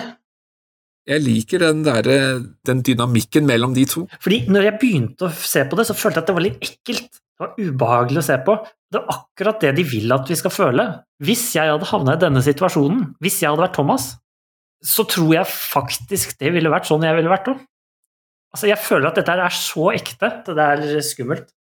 Og det, det som jeg også tenkte litt på, det er jo gjennom hele filmen hvordan alle disse vennene, hvis man kaller det i gåsetegn, da, hvordan ser de på Anders? Altså, man ser jo også seinere, og så er det jo folk der som tuller og tøyser med han, og ja, husker du den der historien når du lå i samme seng med faren til Miriam og sånn, ikke sant? Altså, og så skal du utlevere Anders, ikke sant? De gjør litt narr av Anders på hans bekostning, da. Men det tror jeg Anders vet idet han går på disse festene. Jeg tror han forventer dette. Det, er litt sånn på reaksjonen han får. Nei, hvordan reaksjonen han har når han her kameraten begynner å dra denne historien. Så er det litt sånn øh, Dette skjønte jeg at kom til å komme. Ikke sant? Ja, og så, så, så spill, spiller han bare med, liksom, ja, ikke sant? på Litt sånn enkelt Ja. med for å komme lett ut av situasjonen. Fordi at, fordi at er hver gang han møter denne karen, som han har gjort tidligere, så har sikkert det- den historien blitt dratt, ikke sant. Men før vi havner på disse festene og sånn, så, så blir vi jo tatt Først så har vi denne veldig granskende samtalen i leiligheten. Så er jeg ute i parken. Kan jeg bare si en liten ting før vi forlater eh, leiligheten? Ok, jeg har forlatt leiligheten for lenge siden, jeg, skjønner du. Å ja. Eh, men hvis vi bare et lite øyeblikk hopper tilbake til leiligheten Det var en liten eh, artig trivia, fordi i den samtalen hvor eh, Thomas og Anders sitter og snakker sammen, Ja. i bakgrunnen der så er det en CD av eh, bandet The Smiths, Ja. Og den albumet heter Louder Than Bombs. ja. Og det er jo en film som Trier lager seinere, altså den tittelen bruker han på en film han lager seinere. ja. Så det er, om det er tilfeldig, mm, det vet jeg ikke. Det kan være um, noe Trier han la inn og tenkte akkurat vet du hva? denne gangen. Jeg kan jo tenke meg at Trier bare hadde den CD-en, altså 2010. Skal ikke se bort ifra det, at han hadde CD-en med seg på settet. Hvem vet? Eh, kanskje vi finner ut av det en dag når vi snakker med Trier. Ja, for det, det skal vi jo gjøre. Han må bare ringe. Ja, eh, telefonen er åpen. Du dro oss videre i filmen eh, før jeg avbryter deg. Riktig. Thomas og Anders de går ut av leiligheten, og, og sånn som vi har snakket om, så begynner samtalen å åpne seg litt mer. Og vi går vekk fra denne eh, granskingen som Thomas egentlig har hatt litt i starten, i hvert fall. Vi, er- vi er egentlig helt borte fra den. Og, og Thomas viser seg fra en mer menneskelig side, kan vi si. Eh, Og det gjør for så vidt Anders også. Og i denne samtalen så kommer han jo med en skikkelig sånn Bombe. bombe. Han sier jo at han skal ta livet av seg. Han kommer i hvert fall inn på det sporet da, og det temaet, og han nærmest sitter her og rasjonaliserer det valget hans. Han insinuerer nesten, da. Ja da, han, han snakker jo om det at han ikke føler noen ting, og han, han sliter med å finne sin plass i, i, i verden, og, og det er litt rart å liksom gjøre dette første dag du er ute. Det virker som at han liksom har gitt opp før han starter, og nå går han bare til sin gamle venn Thomas og skal si Hei, du Thomas, jeg likte deg egentlig ganske godt, kan vi, men nå orker jeg ikke mer, ha det bra. Ja. Thomas sier jo dette her også, at eh, du har jo kommet ut av disse tankene før. ja, altså, hva skal man si at Fordi nå så gjør Thomas en veldig god jobb, altså som kamerat. Ikke sant? Han prøver å snu samtalen vekk, fortelle at det, det er faktisk mye bra med deg, og alle disse tingene. Husker du det som du faktisk klarte å oppnå tidligere, osv.? Og, så videre? og så kom narkotikaen og ødela for deg, liksom. Men nå er du ferdig med narkotikaen. ikke sant? Du er bare 34 år gammel, du kan gjøre hva du vil. Du, du er smart, du er god, du er, du, dette får du til. Og så begynner han å snakke om sitt liv, da. ikke sant? Hvor, hvorfor prøver du å få tak i mitt liv, liksom? Altså, jeg snakker ikke med kona omtrent, og vi har ikke sex, og det er, det, er ikke, altså det, er, det er ikke måte på hvor kjedelig vårt liv er. Vi sitter inne og spiller PlayStation og Battlefield og sånn, ikke sant? Som du sier, altså, så, så, er jo har jo baksiden en helt annen side når da Thomas åpner seg og, og liksom snakker om liksom hva er lykke og så videre, ikke sant? Dette er jo noe som har forandra seg de siste seks årene, mens Anders har vært og jobba med narkotikaproblemene. Ikke sant? Mm. Og nå har de på en måte i ekteskapet på en måte, eller samboerskapet eller hva de har for noe rart, så har de sklidd litt fra hverandre. Og de er litt sånn i vanens hverdag. Mens dette er ikke noe Anders klarer å se for seg. Han ser for seg at verden er, er seks år tidligere. Han henger igjen. Men alle disse tingene som Thomas nå sier, med et helt annet blikk, føler jeg, viser jo veldig mye mer varme og en skjørhet for å fortelle at vet du hva, du har en mulighet som faktisk ikke alle andre har. Du kan starte på nytt. Det kan ikke alle andre. Og jeg syns den måten Thomas reagerer på når, når, da Anders slipper den her bomben Jeg likte den måten filmen hvor den drar det, fordi han Han sier jo Du kan jo ikke gjøre dette mot meg. Altså, hva, hva skal jeg svare? Skal jeg si at det er greit at du tar livet ditt, liksom? Skal jeg liksom akseptere det? Han er jo veldig ærlig og åpen at ja, men du kan jo ikke la meg sitte igjen med dette her. Ja, men Han nevner jo også foreldrene hans. Ja, ikke sant? Søstra. Altså, søstra, ikke sant? Altså, Alle vet jo at altså, altså selvmord er jo gjerne noe du gjør Altså en ganske egoistisk handling på mange Ja. måter. ikke sant? Altså, du, tenker, du tenker ikke så mye på effektene rundt dette blir. Folk som kan lide resten av livet på bakgrunn av dette, ganske mange personer. ikke sant? ja, ja, ja. Fordi at du selv føler deg så dårlig. At du bare ser det som den siste mulighet for deg selv. Men jeg vil bare nevne dette her. Vi snakket om dette vinduet sant? inne på soverommet med Malin, hvor han så ut gjennom denne rammen. Nå får vi se gjennom en ny ramme hvor vi ser disse to i et ultrastort bilde. Thomas og eh, Anders skal si ha det. Og dette synes jeg er en strålende scene, fordi at her tror jeg Thomas han sier ha det for siste gang. Og det tror jeg han veit. Tror han det? Jeg tror det. Det kan godt hende at han frykter det, Ja, fordi han sier jo også, som du sier, ikke gjør noe dumt. kan du love meg det og sånn, Ja. ja, ikke sant? Ja, ikke Ja. sant? Kom til festen seinere, men han vet jo ikke om han kommer. Jeg tror han regner med at det ikke kommer til å skje. Ja, ikke sant? Og det som får meg til å tenke dette her litt mer, er, er det som skjer hvor de akkurat snur seg fra hverandre på samme tid. Altså, Thomas står lenge og ser etter Anders. Og idet Anders snur seg, så snur Thomas seg. Da har han snudd seg akkurat. Fordi at dette er Anders sitt sånn Ok, jeg vil gjerne ha, være med på den middagen senere i kveld. Det tror jeg i hvert fall er meningen. At her skal han liksom ta opp igjen det at Thomas ga han et mulighet. Han skal gi det en sjanse til. På dette tidspunktet tror jeg han tenker det. Men så har Thomas akkurat snudd seg. Ja. Og dermed så forsvinner den muligheten, og han forsvinner ut av redningen hans, som egentlig er Thomas. Han hadde venta i seks år, nå venta han litt til. Men han venta akkurat ikke nok. Det er litt uflaksen som Anders har hatt, da. Akkurat i samme scenen så, så, så er det også noe som jeg eh, syns var veldig interessant, da. Der hvor Thomas og Anders står og snakker sammen i denne her åpningen. Ja. Jeg tror det er Thomas som snakker, og så klipper det inn et nytt bilde mens samtalen fortsetter, så det blir en slags voiceover. Mens eh, man ser da Thomas eh, ikke Altså, leppene hans beveger seg ikke, men man hører. Mm. Men, men det blir en sånn voiceover, og så klipper det igjen, og så sier jo da Anders ha det bra, ikke sant, og det ser man jo på, på, på munnen. Men akkurat den derre overgangen det gjør at man får et sånn der parallelt inntrykk. Altså Man hører han snakker, men man ser også at han står og tenker. Og Det er en ganske interessant eh, måte de har gjort dette på, og det gjør de faktisk også i Verdens verste menneske. De, de, de gjør det samme eh, For Fortellerelementet, rett og slett. Ja, måten å, å skape den scenen på. Jeg syns det er så virkningsfullt, både det at han snakker og tenker samtidig. Mm. Så legg merke til den neste gang eh, Ja. dere ser den. Ja, det er jo mitt poeng også her, at eh, selv om sett fra et, et annet det er et annet poeng jeg ønsker å gjøre i denne scenen enn det du ønsker å gjøre, er jo at jeg mener at filmen er satt her.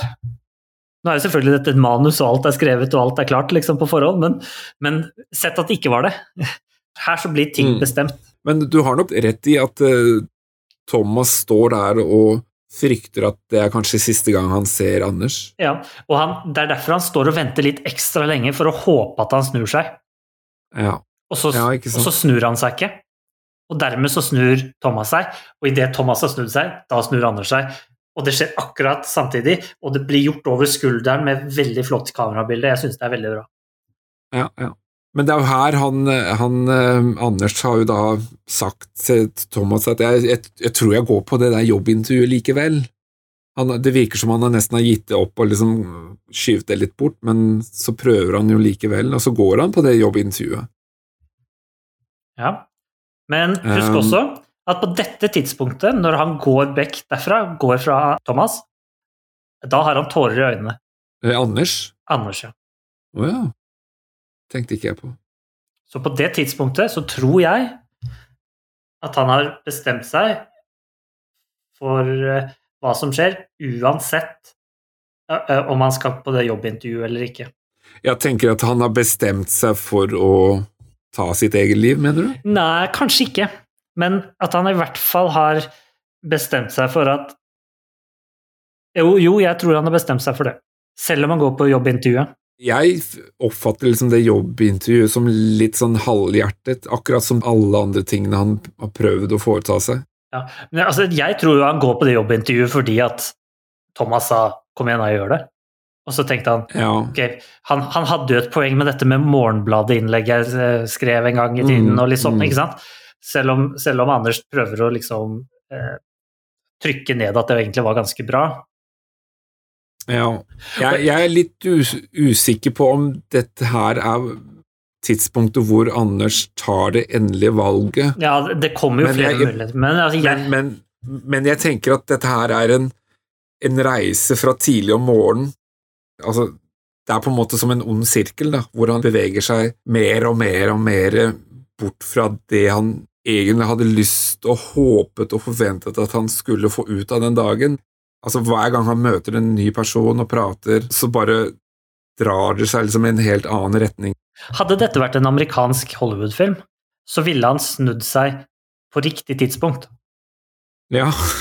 Så hadde han løpt til Thomas og, og sagt 'jeg kommer på den middagen likevel', og så hadde han faktisk kommet på middagen. Ikke sant? Her så Men, men, men, Han, han har gitt opp den muligheten. Men Anders går jo på den festen. Nei, det er ikke den samme. Altså, det, er Jo. ikke, det er jo ikke middagen. Thomas han sier ja, 'kom til den festen til Miriam og Kalle'. Ja, ok, riktig. Men han sp- spurte jo om middag hjemme først. Stemmer det. Ja, etter jobbintervjuet, Han, kanskje. han sier jo at ja, men du kan komme hjem til oss før du drar på jobbintervjuet. Ja, eller før du drar til søstera, eller, eller etter, et- etter jobbintervjuet så kunne han komme hjem til Ja. de. Ja, riktig. Stemmer oss før søstera, stemmer det. Ja, men grunnen til at han gjør dette her, er jo fordi at han ønsker å ha en liten kontroll på at Anders faktisk går den rette vei. Ikke sant? Altså, han, øns han ønsker jo, fordi at gjennom denne samtalen så har jo han fått igjen litt grann av den gamle vennen han hadde. Mm. Ikke sant? Ja, ja. Så han ønsker ja, for han savner jo også et eller annet i livet sitt som altså, Ja, han er jo drittlei det der familielivet han har. Ja, Det hadde jo vært veldig Og han, han sier jo også det at han har jo bare eh, konas venner. Og de er så kjedelige. det er sant, det. Så han, så han vil jo ha Anders tilbake. Og han vil ha Ja. Anders tilbake, en nykter Anders som han kan være sammen med. Som kanskje de kjente hverandre, når, sånn som du sa, når de var barn, f.eks. Eller ungdom. Dette tror jeg er liksom en sånn siste, siste line Ja. Thomas kaster. For han har egentlig ikke lyst til å Ja. invitere ham med på en fest. Nei, det, ja, har han ikke det? Jeg tror ikke det. Han virker jo veldig oppriktig, da. Jo da, men altså, det er liksom Han vil egentlig at han kommer på den middagen. At han går på Ja, jobbintervjuet kanskje. sitt. ikke sant? At han kommer på jobbintervjuet, kommer tilbake, de kan snakke sammen om middagen og sier si liksom 'Å, det gikk bra, du fikk jobben', ikke sant? Strålende. ikke sant? Tommel opp. Det var litt sånn drømmen. Men når han sier liksom nei til alle disse tingene Ok, jeg drar opp den der festen fra hatten. Ikke sant? Altså, jeg vil bare si det. Han er rød i øya, har tårer i øynene når han går derfra. Eh, Anders. An Anders, jeg tror ikke han ville hatt det hvis ikke det var for at du skulle liksom si at nå var det på en måte over. Mm. Men det virker jo som Thomas er liksom veldig sånn at han oppdaget noe den dagen som han kanskje ikke hadde tenkt han skulle oppdage. Ja da.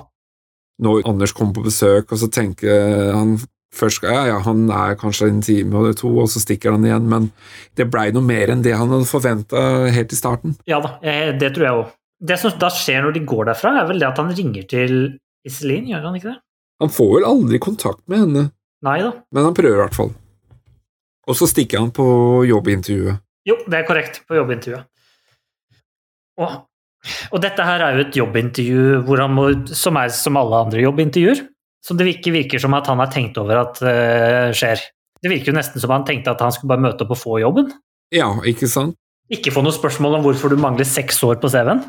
Jeg så den scenen én gang bare, jeg fikk ikke sett den flere ganger, men jeg oppfatta jo som at han som intervjuer, da, Anders, han virka jo oppriktig interessert og syntes at han var en interessant person, Ja da. selv om, selv om han hadde den bakgrunnen og det livet Jeg tenker at det kunne kanskje vært et interessant input til avisen eller bladet, men Anders oppfatter det på en helt annen måte. Ikke sant? Altså, jeg tenkte egentlig akkurat det samme, fordi når jeg så dette, så tenkte jeg det samme som deg. Jeg tenkte at først så er det liksom Anders kommer inn der eh, og tenker at altså, jeg får vel sikkert ikke jobben, men altså, jeg kan få jobben. Og så får han disse spørsmålene han overhodet ikke har tenkt over, og så legger han ut om at han har vært narkoman, som er ganske personlig ting å gjøre, fordi at han blir presset til å si hva han gjorde i den perioden.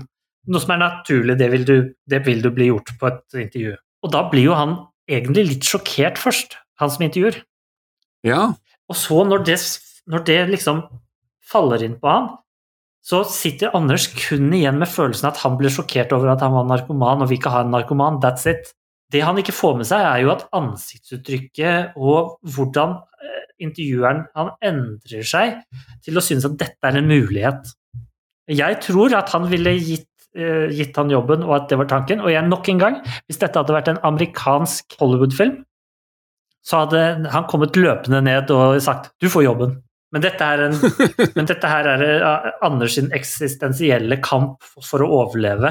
Da vil ikke det skje. Det, det, det er ingen redaktør som kommer til å løpe etter deg for å få tak i deg. ikke sant?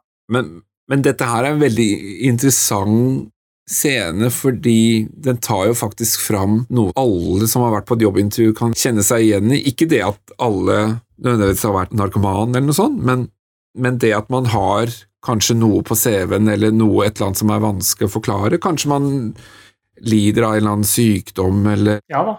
liksom, skal man veie for og mot, da er det Man vet jo ikke hvordan de kommer til å oppfatte dette her. Nei, men når han faktisk åpner seg og sier det, så burde han i hvert fall sitte og vente på svaret. Ja, ikke sant? Men det som er litt morsomt, da, eh, er jo at i filmen Reprise eh, Har du sett den? Nei. Nei. Ok. Den reprise den handler jo da om to personer, blant annet Anders, og en annen kar som er hans venn, som ikke jeg husker i farta hva het, Jakob eller noe sånt nå, som har skrevet to bokmanus, som leverer det inn til foreleggerne sine. Og det er det første som skjer.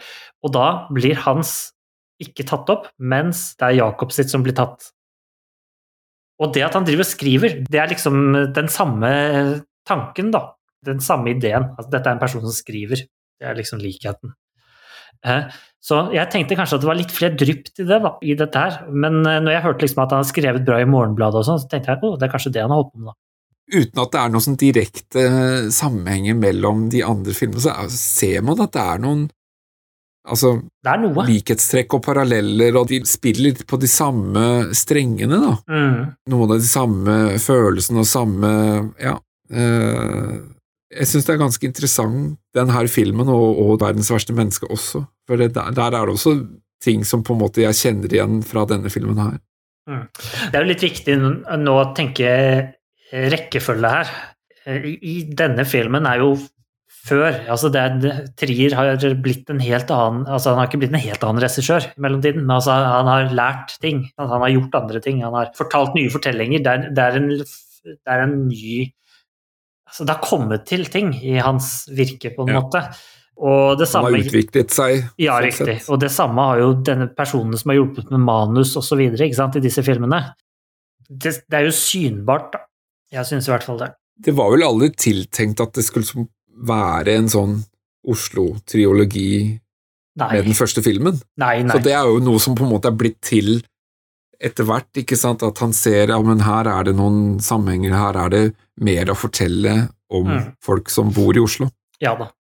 Men jeg tenker jo også litt på dette er liksom Hvordan er egentlig Anders som en person?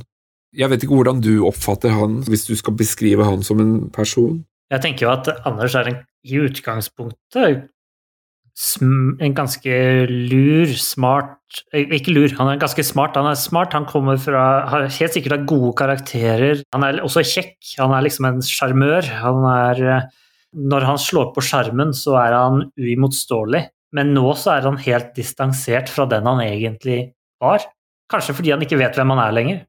Litt som du er inne på, altså at han er en intellektuell og rasjonell person som reflekterer over ting, ikke sant. Han, han er jo skribent, ikke sant. Han er god på å se ting fra forskjellige perspektiver og, osv. Men han er kanskje også en introvert person. Selv om han kan menge seg med folk, så virker det ikke som at det er det han egentlig trives best i. I hvert fall ikke nå. Nei, men det, det tenkte jeg litt på, at han står der med hendene i lomma liksom langs veggen og sånn. Og det kommer aller best fram på festene, i starten av festene og sånn, når han møter opp og sånn. Det tror jeg er fordi at han har ikke vært på noe sånt på seks år. Han, Det kan selvfølgelig være han at er usikker. han er ute av loopen, liksom. Ja, han er usikker. Han har ikke drukket alkohol på ti måneder, hvis vi skal tro det som blir sagt. Og så, altså, han vet ikke hvor går grensene hans, for eksempel. Jeg oppfatter jo han som litt den personen som får energi når han er aleine, men det betyr jo ikke at han ikke kan være sammen med folk og, og treffe folk på fester og sånn, men, men det er kanskje ikke der han får den energien eh, fra. Når han skal slappe Jeg vet ikke, det, jeg, jeg bare spekulerer, men, men Jeg føler du er litt ute her, men, eh, men eh, jeg tror egentlig at vi ikke helt vet om han er introvert eller ekstrovert. Men at han er, Nei, det- at han er nå, i den settingen han er i, er introvert, det er greit nok, men jeg veit ikke hvorvidt han egentlig var det. Jeg tror kanskje heller han var festens midtpunkt. tror du det? Jeg tror det. Ja Jeg er ikke så sikker på det, men, Nei, okay. men det vet vi jo ikke. Nei, selvfølgelig ikke. Ja. Men jeg, Men, jeg eh, tror det, du- mens du tror det ikke. Altså, det er fordi dette her er tolkbart. Ja, og man kan se karakteren på mange måter. Men da er det jo Han kom på kafé. Treffer søstera, Nei, nei, nei, nei, nei, nei, er det ikke det? nei. Han treffer ikke søstera med en gang, men han, han, han sitter på en kafé, og så beveger han seg til en annen kafé. Ok, det, det, fordi at her så tenker jeg at dette her er en veldig smart scene, den som kommer nå.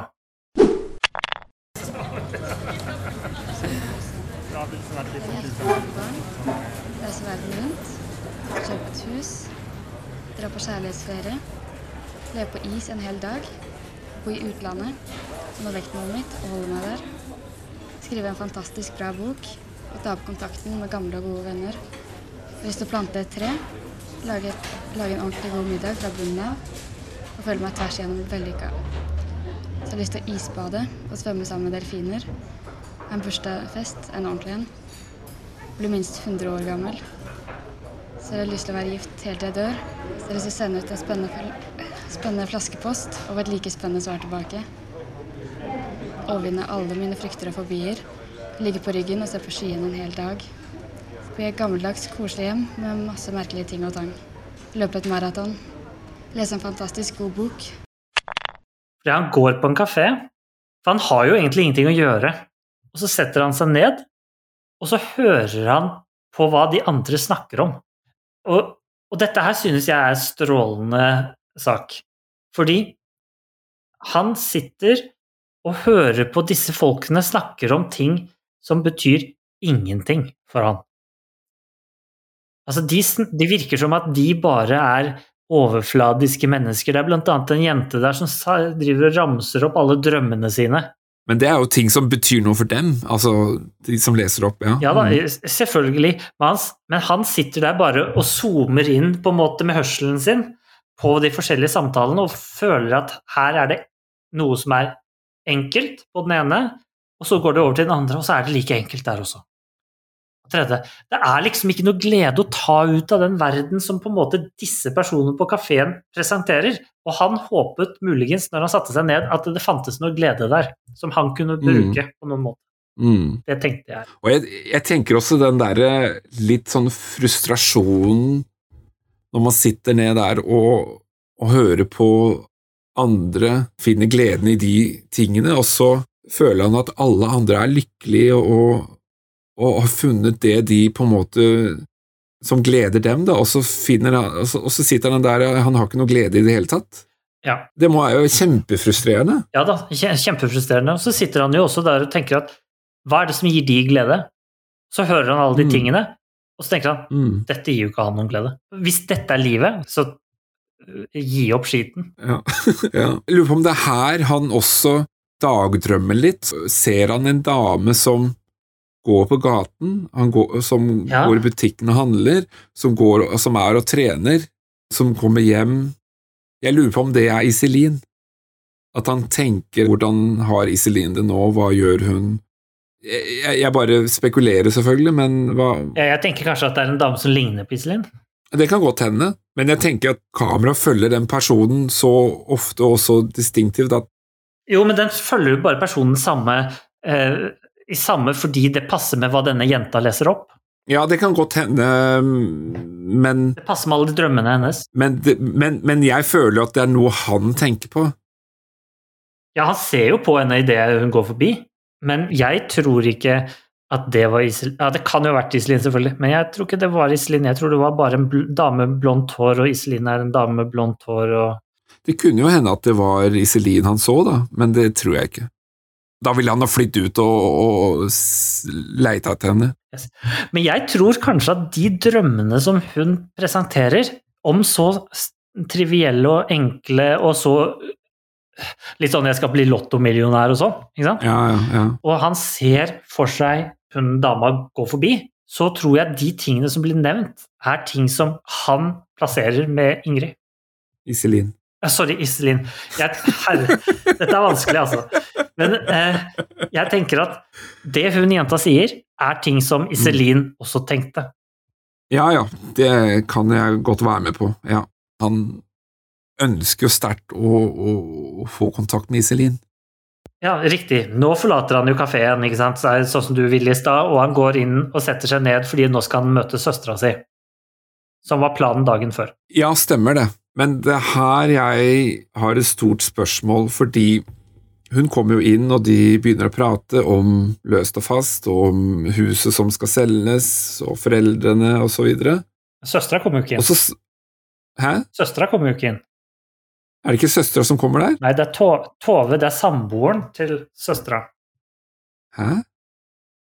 Jeg trodde det var søsteren som så sier han at um, da, da søsteren vil ville ikke snakke med henne, og snakke Så med henne, samboeren sier hun kom. ikke gjør det, for hun vil ikke så snakke det er med. Nina som er hun er søstera? ikke på UD Ja. hun er hjemme. Og søstera jobber på UD.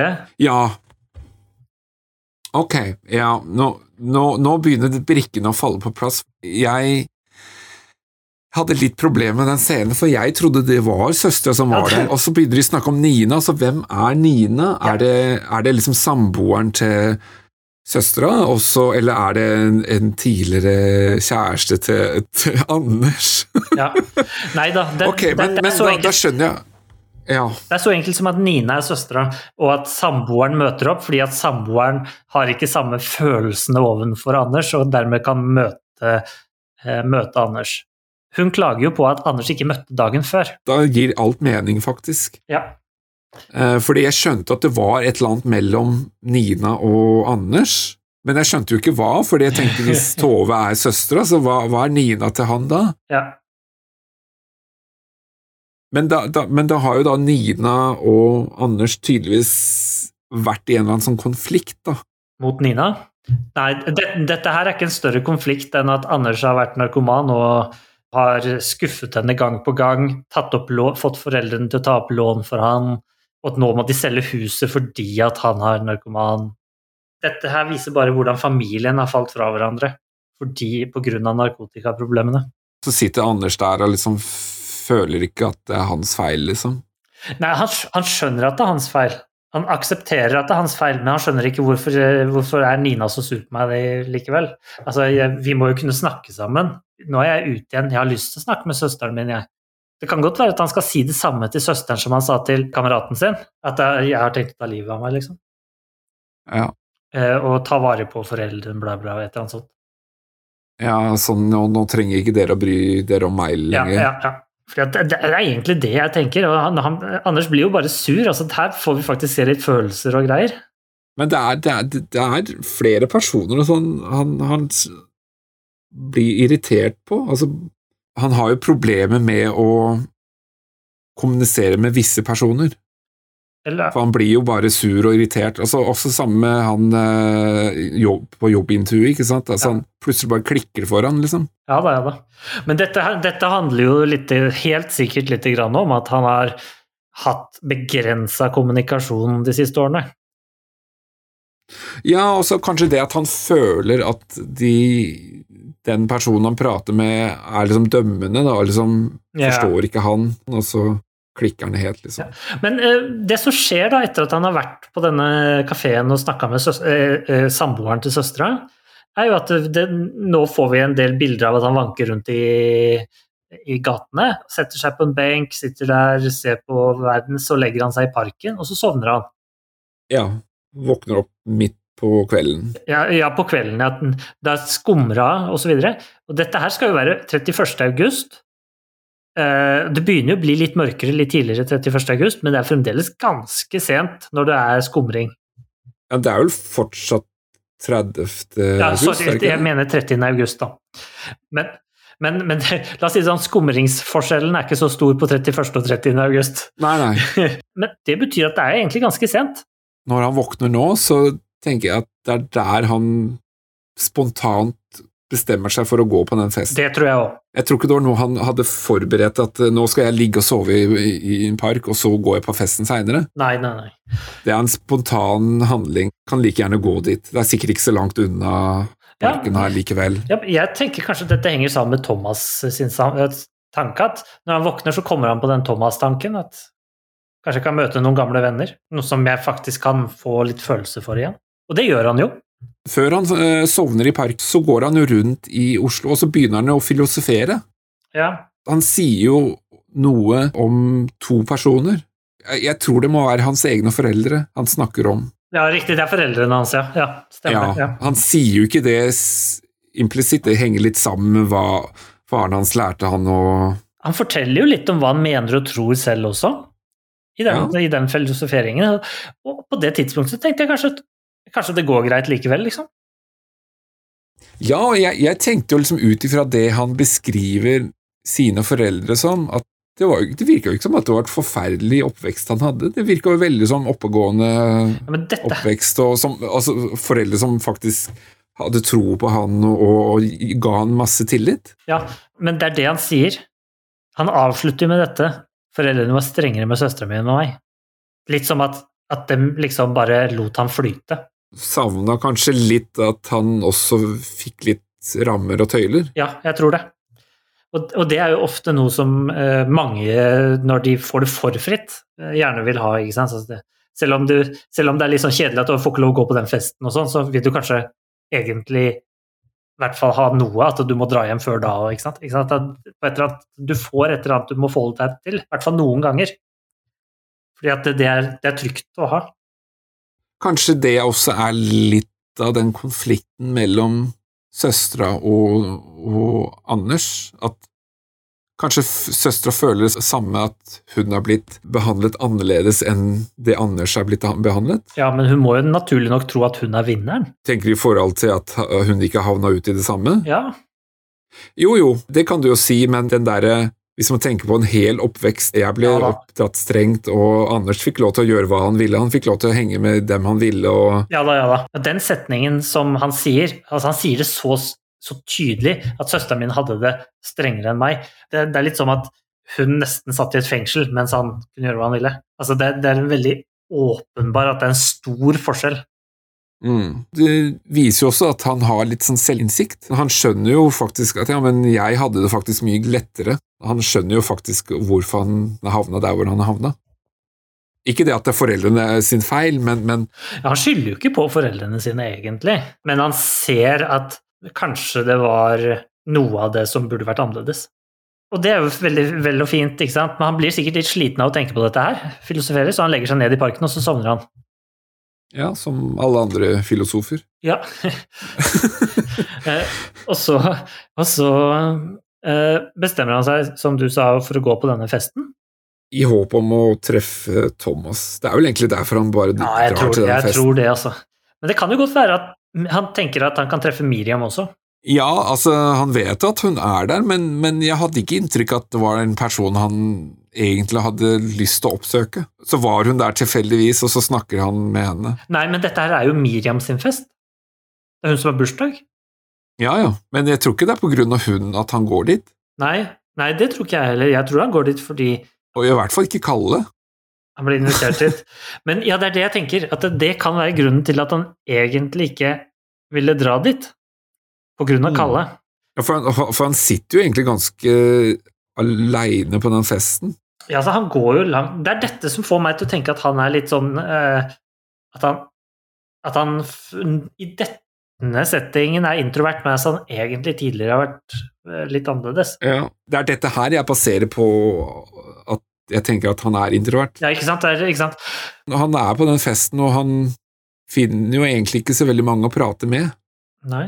Men finner han Thomas i det hele tatt? Nei, han er ikke der. Han kommer jo ikke. Og det er egentlig litt interessant, fordi det var jo Thomas som ville at han skulle komme. Men er dette da den samme festen? Ja, for Thomas sier 'kom til festen til Miriam og Kalle i kveld'.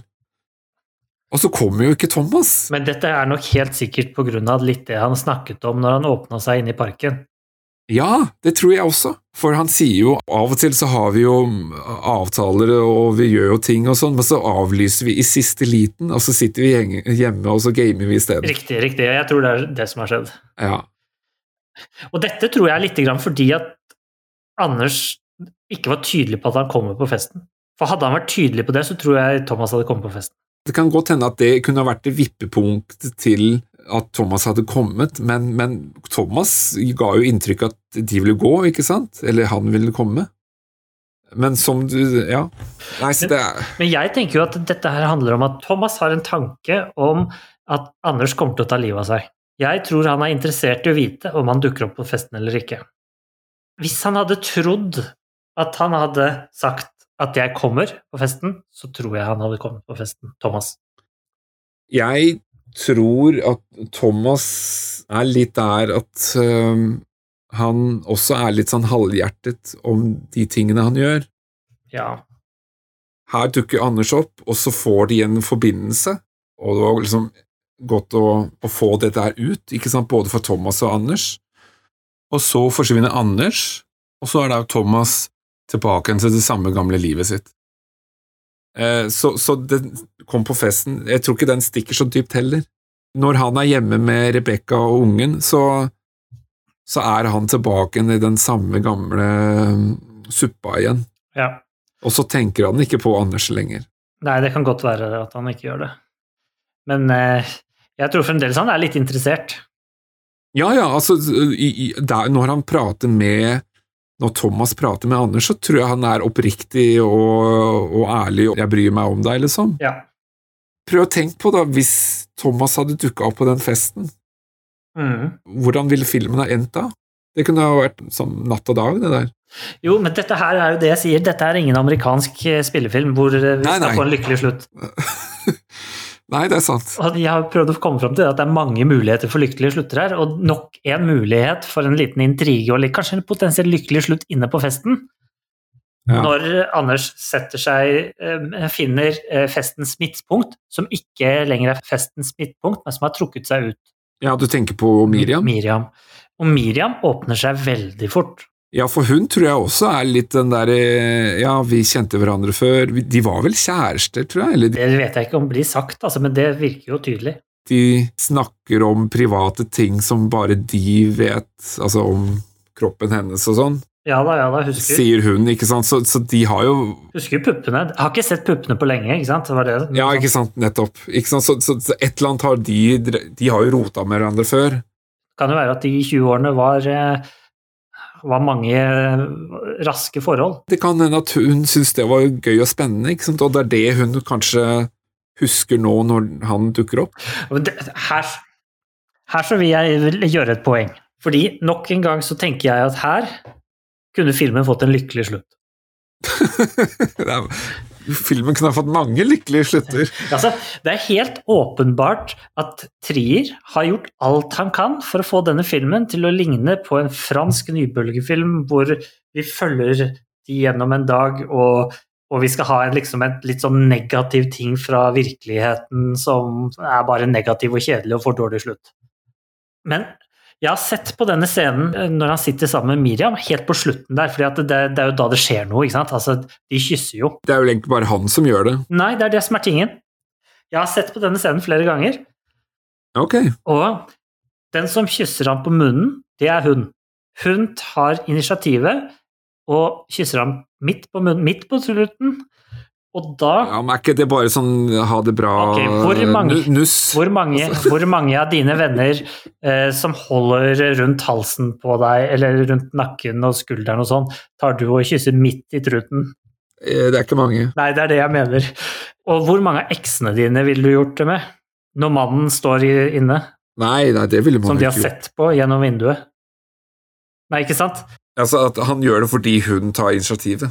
Ja, ja han gjør det jo fordi hun gjør, Ja. Det skjønner jeg òg. Og så blir det litt kleint, for det går opp for henne hva, hva som skjer.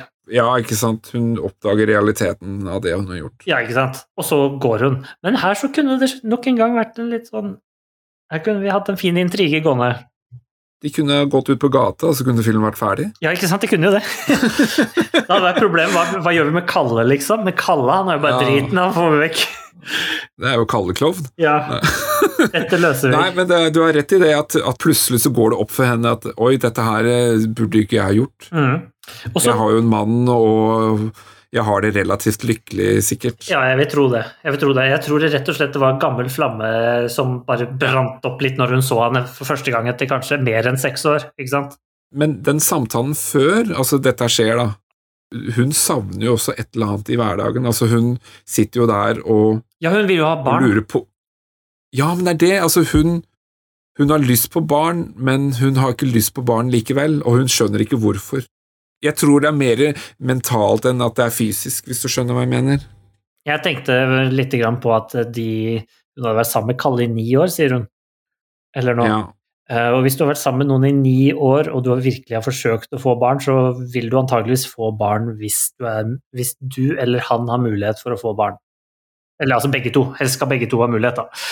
Eh, Jeg, jeg tror det er Kalle som Han har lyst på barn, han har lyst til å stifte familie, men hun sier nei. Altså, hun vil gjerne ha barn, men det er et eller annet som gjør at hun ikke får lyst på barn. mm, Og det er sikkert Kalle, tenker jeg. Ja, det vet jeg ikke, men, men eh, jeg tror kanskje det er noe mer med henne sjøl. Ja. På samme måte som Anders går rundt og lurer på hvorfor finner han ikke lykke. Han Ja. prøver å treffe Malin, han prøver å, å ringe til Iselin, han Mm. prøver å hooke opp med Miriam. Altså, han prøver alle disse tingene, og han finner liksom ikke den der lykken og gleden. Selv når han sitter på den restauranten og hører alle disse andre snakke om de tingene som gjør dem lykkelige. Han finner ikke meningen med livet, og på samme måte tror jeg ikke hun finner ut grunn til hvorfor hun ikke har lyst på barn. ja. Eh, Det, det, det er en sånn rar forestilling, men det var sånn jeg tolket det da. Ja, riktig. Jeg er egentlig ganske enig i den der forklaringen din på det, altså. Eh, Men det Mm. som skjer nå, er jo at han går inn og ringer Iselin igjen. Ja, legger igjen en beskjed og sånn. Ja, som er litt sånn rar. Men ja, så gjør han det, og så driver han nå ransaker eh, lommene til folk etter penger. Og idet han legger det i lomma, så åpner Miriam opp døra, og vi ser Miriam som et spøkelse i vinduet. Det er veldig kult, det bildet. Men hun ser ikke at han legger pengene i lomma, men det hun ser, er at han står hengt over vesker. Og sender han av Ja, for hun virker jo nærmest litt sånn overrasket og litt sånn skuffet over han. Ja, det er det. Hun virker skuffet over han. Jeg lurer på hvorfor åpner Miriam den døra?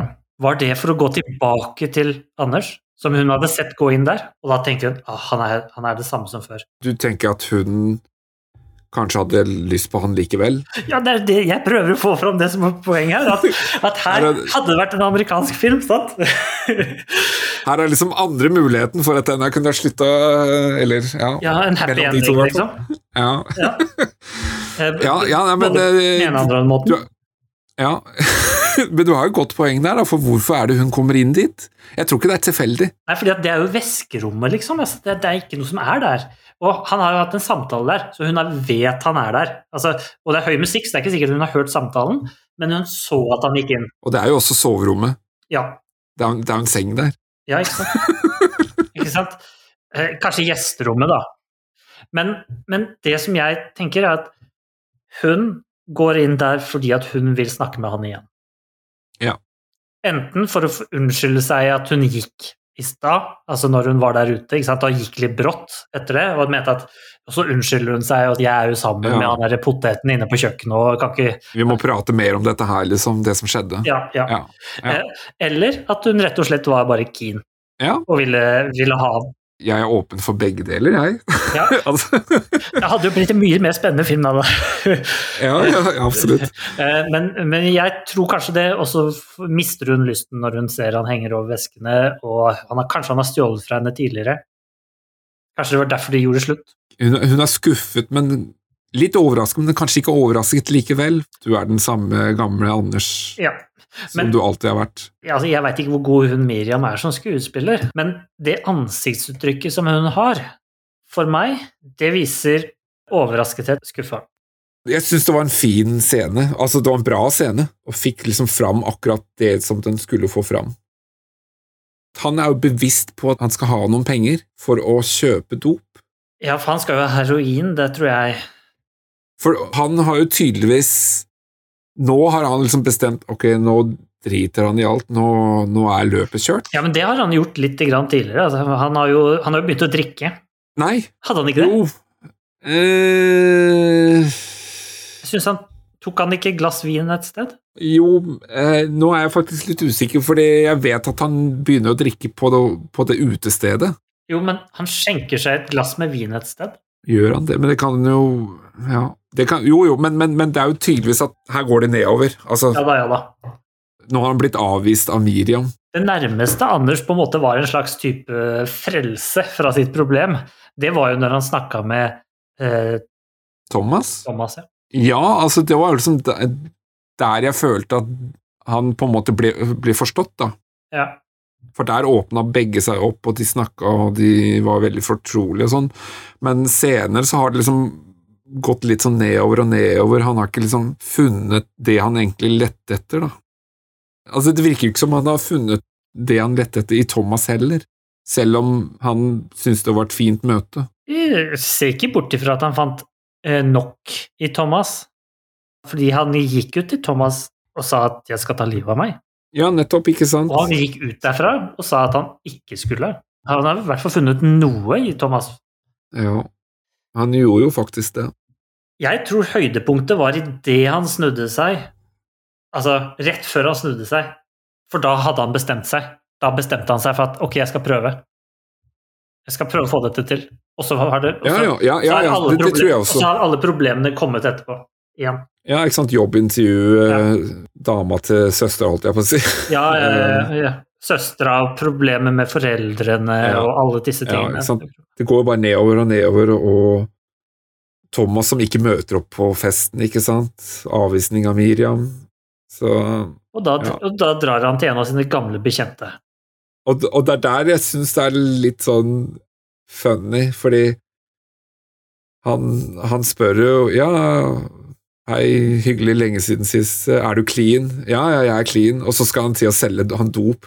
Ja. Altså, det er liksom Ja, så dypt stakk det, liksom. Altså, En annen ting som er morsomt, er jo at han spiller Battlefield. ja. Ikke sant? ja. Så tydelig at han lever litt sånn familielivet. Han bare dealer han på sida, ikke sant. Det er jo her han virkelig sprekker, og så går det bare Her er det utfor, altså. Jo da, men, men altså, her så er det jo to muligheter, selvfølgelig. Altså, jeg skjønner jo også at her har han sprukket, altså. Selv om han ikke tar denne heroinen før helt til slutten. Nei, men han hadde tatt valget. Altså, han, Han har tatt valget å kjøpe det. Men altså, du han ser ikke at det er noen vei tilbake igjen herfra. Nei da, nei da. Han, han, han gjør ikke som alkohol, en alkoholiker som har ølen stående i kjøleskapet for å vise at den er sterk, liksom. Ja.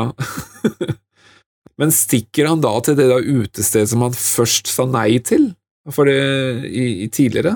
Ja, fordi at på festen så drar jo noen av festdeltakerne. Ja. Det, sier Renate Reinsve, hun er jo der. på festen Ja, ja. Hun er en av de som drar til det andre utestedet. Så de stikker jo, og så sier han 'jeg venter på Thomas'. ja. ja, Hun var litt yngre der, må jeg si. Ja da, men det er henne. Ja. Jeg oppfatter også at det var liksom det, det stedet som de ville at han skulle bli med på.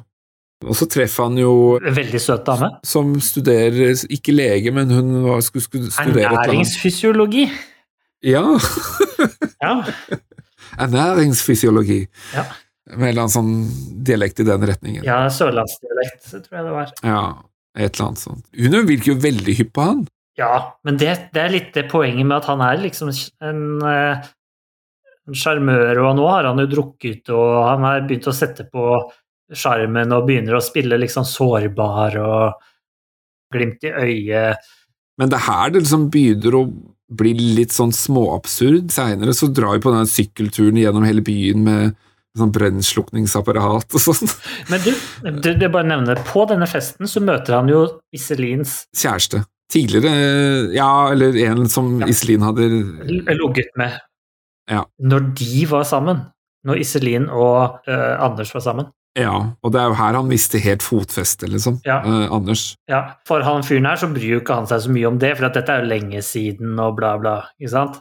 Seks år Ja. siden, altså. Kom igjen. Kanskje enda mer.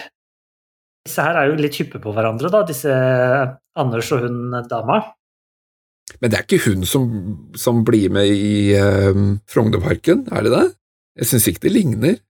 Jeg begynte å lure litt, fordi at det er jo to personer som er veldig like. Men så når jeg begynte å google det, så får jeg opp samme person. Oh, ja. Han sier at vi kom, du kommer til å ha 1000 kvelder som dette her, alt skal glemmes. Og så drar de fra utestedet. ja. Til Frognerparken. Ja. De drar jo til Frognerbadet, ja. Jo, men de står jo også i, i eh, parken og i disse søy- eller Ja, da, skulpturene og roper skriker. Ja, det er riktig. Og det som, det som skjer, er jo at de har jo bare den siste natten, da. Eller siste kvelden, på en måte, hvis du skjønner. Dette her er jo natten nå til 31. august, og vi får vite at nå er det 31. august. Hvor de koser seg, og hvor han ikke hopper ut i bassenget, og hvor han helt åpenbart har bestemt seg for hva han skal gjøre, og ikke velger å hoppe ut med hun jenta ut i bassenget. Og det sier også meg at han på en måte er ikke en del av den gruppen. Han er ikke integrert, han har liksom ikke gøy de, på den de måten som de har det gøy. De to andre som er ute i vannet der, det er de fra festen, sant? Fra festen i leiligheten. Å, er det det? Jeg mener det, at det er de to som spurte om å bli med på utestedet. Ja, ja, det kan godt hende. Det er Renate Reinsve og han derre duden med Ah, ja, det kan godt hende. Jeg mener det er de to som er ute i det bassenget. Men han virker så distansert. Alle de andre de hopper ut i badet og har det gøy og, og sånn, men han, Han har bestemt seg, vet du. Han har bestemt seg, han, han, han er ikke en del av det livet. Han sa jo til hun jenta at alt skal glemmes. Han ville ikke si hvorfor på en måte alt skulle glemmes, og hvorfor hun kommer til å få flere kvelder som dette her, og ikke liksom, åpenbart ikke med han, da. Ikke sant? Eh, Så han vil jo ikke si at han har bestemt noe, så han vil kanskje ikke jeg vet ikke, Kanskje han likte henne litt? Vil ikke ville gi henne ekstra forhåpninger eller noe? Eller kanskje Hvis han allerede har bestemt å gjøre det han skal gjøre, da, Ja. altså, så, så vil han jo kanskje ikke skuffe henne og starte noe som ikke kan Han fortsette. at hun er en han skjønte at hun egentlig ikke tilhører hans verden. Og han tilhører ikke dems verden heller. Ja. Men det andre som jeg tenkte på når jeg så på det, var at kan dette være fordi at han er full av sånn sår? Dere har vært liksom narkoman over lengre tid? Sprøytesår Å ja, sånn, sånn, ja. Ja, det er jo seks år siden, da. Jeg vet ikke åssen det der eh, Om det er sånn som er synlig, det vet jeg Altså, ikke. sprøyte Altså, det blir jo arr. Du blir veldig arrete. Ja, det kan godt hende. Nei, det var bare noe som slo meg at det kanskje kunne være. Men eh, jeg tror egentlig det er det første. Men han, han forsvinner jo da derfra og så hjem Jeg tror det må være foreldrene sin, sitt hus. ja, det er det huset skal selges. Det er jo Ja.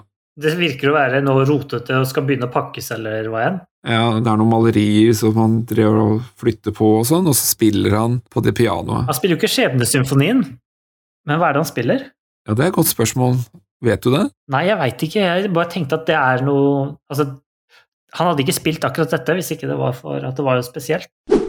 Og når Anders er da på vei til huset, og han har kommet inn i huset, så setter han seg ved et flygel. Så begynner han å spille sånn som han gjorde i barndommen, og han spiller ålreit sånn i starten. Etter hvert så blir det mer og mer keitete, til han til slutt gir opp. Litt sånn som hele livet hans. Han blir mer og mer keitete, så gir han opp.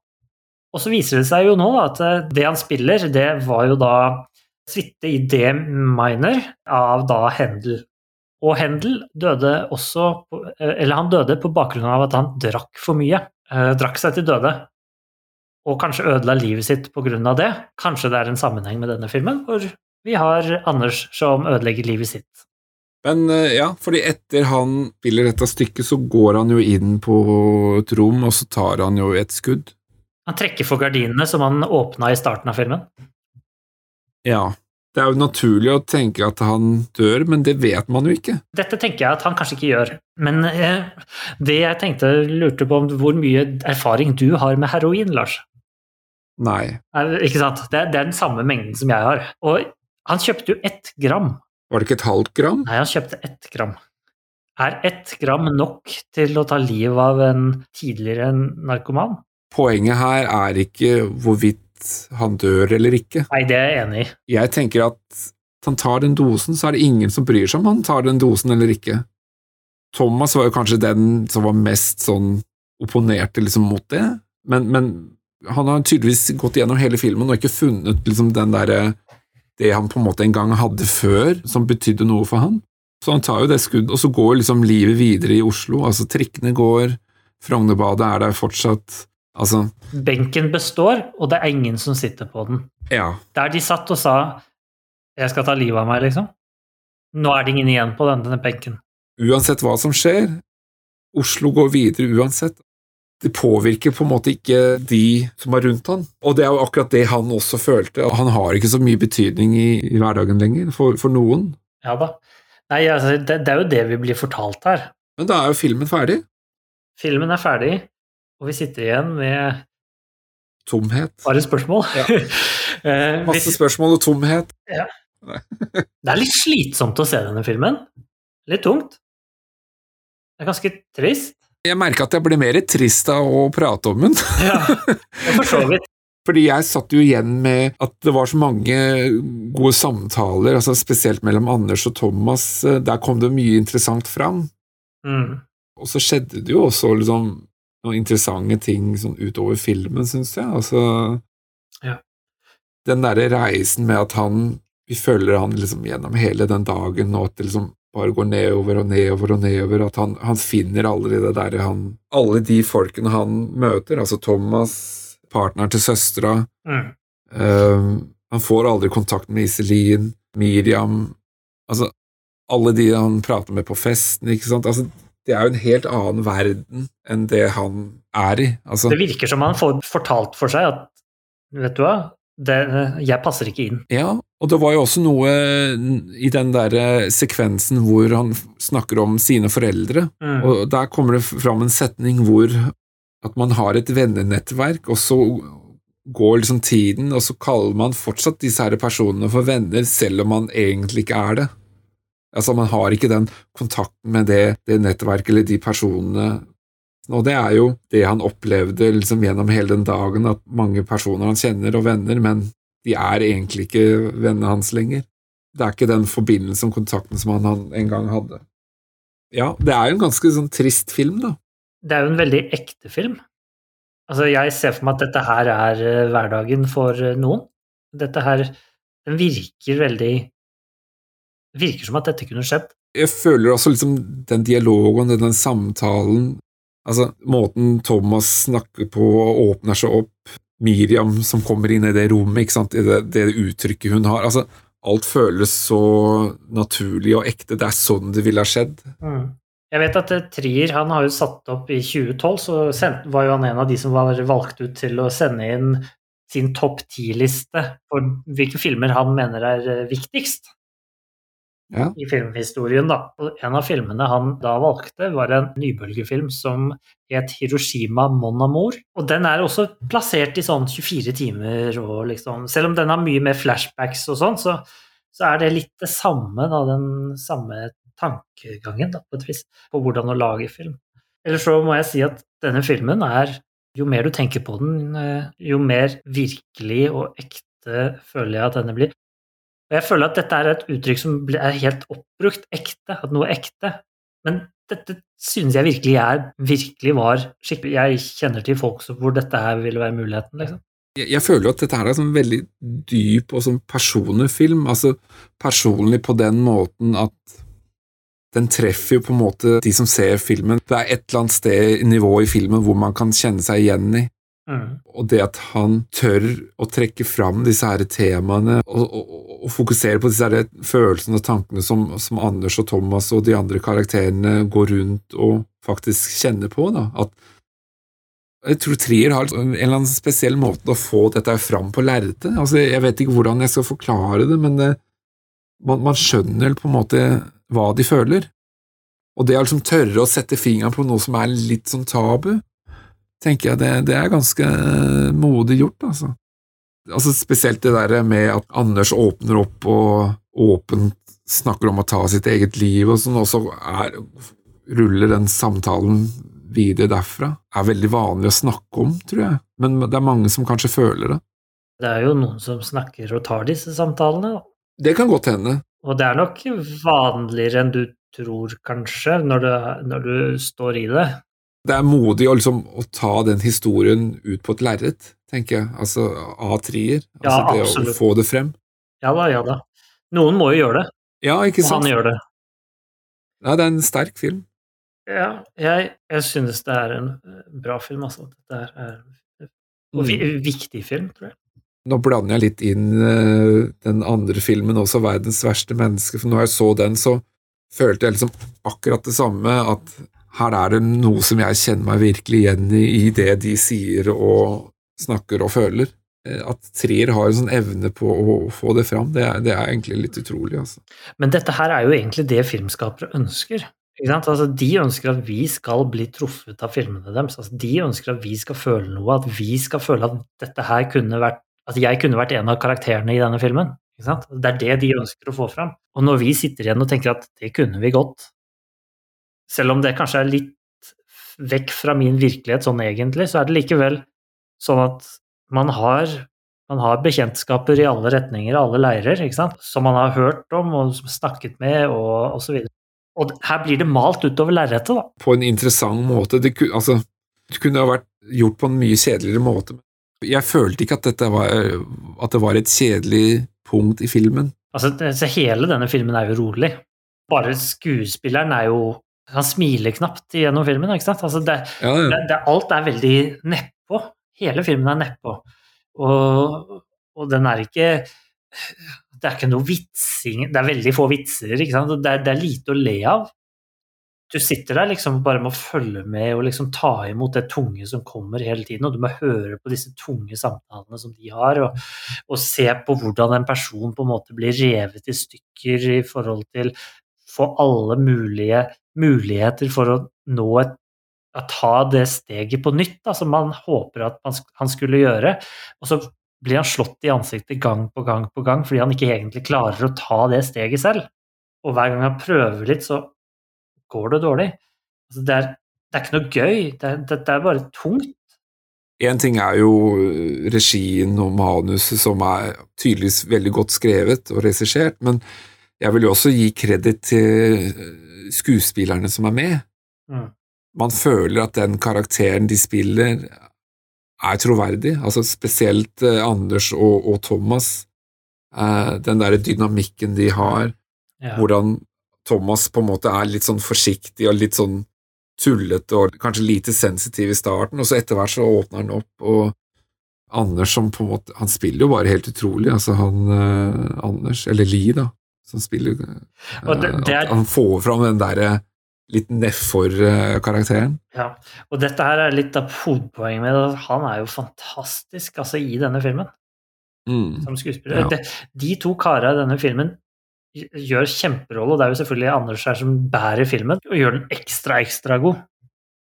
Jo, men jeg syns også Thomas han får liksom Du må jo ha samspillet, hvis ikke så blir det jo ingenting. Ja, altså, altså Thomas får liksom den der karakteren til Anders enda bedre fram, syns Ja, jeg. riktig, for ellers blir det jo bare at Anders sitter og furter. Altså, det virker Ja. ikke gøy. Men den der kontrasten, ikke sant. Ja. Uh, og det er jo her manuset er godt. Mm. I resten av filmen så er jo ikke manuset sånn sinnssvakt bra. Men altså jeg, jeg, jeg må jo si det at jeg synes at den første delen i filmen er eksepsjonelt god. Ja, men det er jeg helt enig i.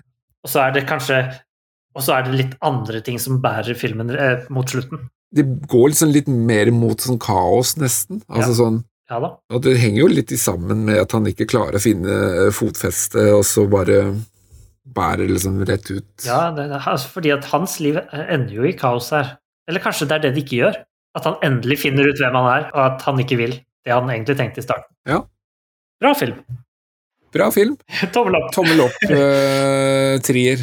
Det er bare å komme og svare på spørsmål som vi har, altså.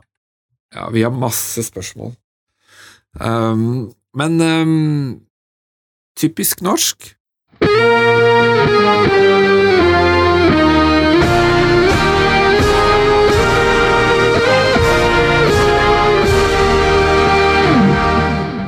Dette her er en hverdag i Oslo for unge voksne i Oslo. Det er en typisk by Oslo-hverdag. Er det noen, som, noen spesielle aspekter som du tenker liksom var Ok, det, det her er veldig typisk Oslo, eller typisk Ja. norsk, eller Altså, når man var studenter og sånn, så var det liksom eh, Da var det jo eh, fester hver eneste kveld overalt og sånn, ikke sant? Og folk eh, gikk fra den ene festen til den annen og, og så videre. Eh, hjemmefest, utefest Hjemmefest, utefest, ikke sant? Eh, for, foreplay Foreplay? Vorspiel! Vorspiel. Eh, Og, og det der med at de liksom ender liksom ut i gata, og så ut i eh, Frognerparken eh, der. og- Frognerparken, det føler jeg også er liksom Ja, det er så typisk. Ja, ja. Det er sånn som alle finner på. Og, det, og, og følelsen av liksom Altså hvordan den forteller om hva du husker fra første gang du kom til Oslo og sånn, den der, den, den, den sitter litt, altså. Mm. Altså, man, altså, han kunne droppa hele den første biten av filmen, egentlig. Altså de, første tre minuttene. Men likevel så sitter jeg igjen nå og tenker at jeg sitter og husker det. Men det setter liksom rammen på det, syns jeg. Ja. Fordi at den stiller også et spørsmål. Vi som har bodd i Oslo, eller vært mye i Oslo, ikke sant. Hva husker du fra da du var i Oslo? Hva, hva tenkte du på den første gangen du tok T-banen og ikke visste hva Forskningsparken betydde, eller Majorstua, ikke sant. Altså, og du kom til Kirkeristen, og du visste ikke egentlig hvor Oslo S var i forhold til Kirkeristen, ikke sant. Altså, Ja, ja, ja. Og det er jo alle disse minnene man søker når man ender ut i et eller annet eh, Når man er usikker, så søker man jo tilbake til det trygge, ikke sant, de minnene man har. Men det som jeg eh, tenkte litt på sånn, som var det veldig typisk, da, det var liksom gatebildet i Oslo, altså disse her arkitekturen og disse bygningene. Leilighetene som man ofte ser langs gatene, er veldig sånn ikoniske, syns jeg. mm. Det ville være veldig rart hvis ikke leiligheter filma i Oslo var typisk eh, Oslo. Men, men de, de kunne jo valgt noen andre lokalasjoner. Men, men, men det er så mange andre lokasjoner, men akkurat de, de bygningene der føler jeg liksom Ja, det er Oslo. Mm, jeg er helt enig. Det kunne ikke vært Drammen, det kunne ikke vært Kristiansand. Nei, det er Oslo. Ja, jeg er enig i det. Og så får du liksom det å bruke disse her forskjellige stedene som parken og gatene og trafikken og alt dette, så du får en sånn personlighet Altså selve personligheten av Oslo kommer liksom fram. Mm. Det var filmen, tror jeg. Det var filmen.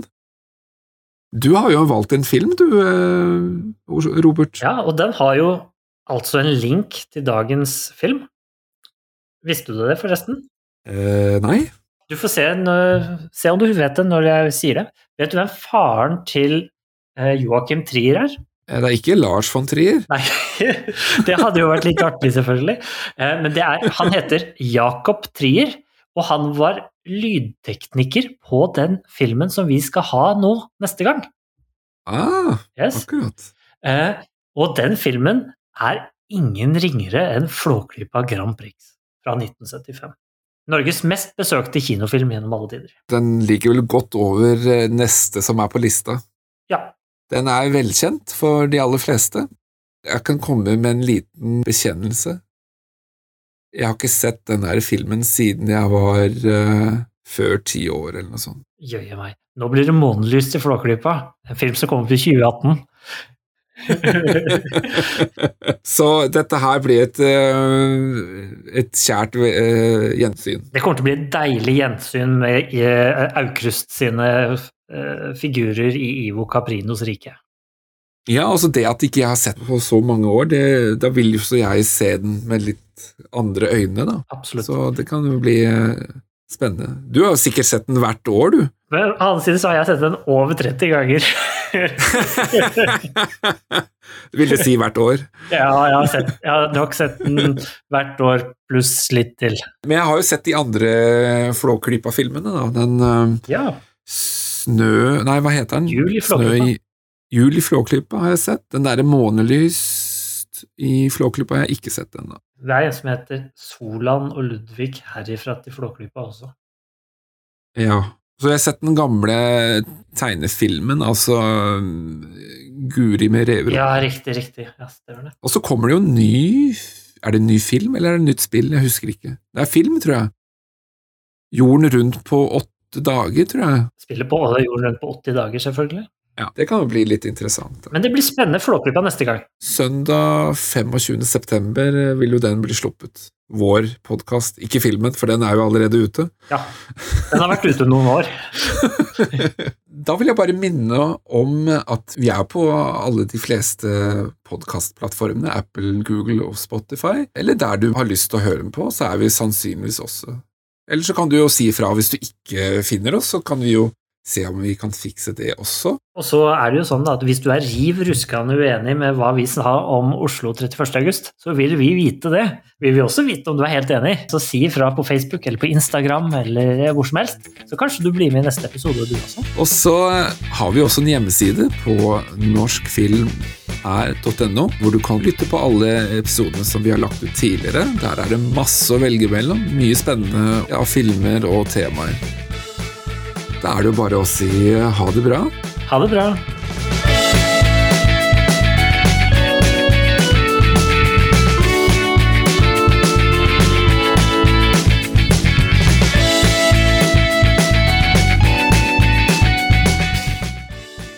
For jeg vet hvem han er, skjønner du. Men uh, Anders Basmo Christensen. nei, han er ikke med. Leif Juster. Eh, nei uh, Skal vi Ikke, ikke han Leif Juster. Han heter så mye som uh, Jakob Skøyen.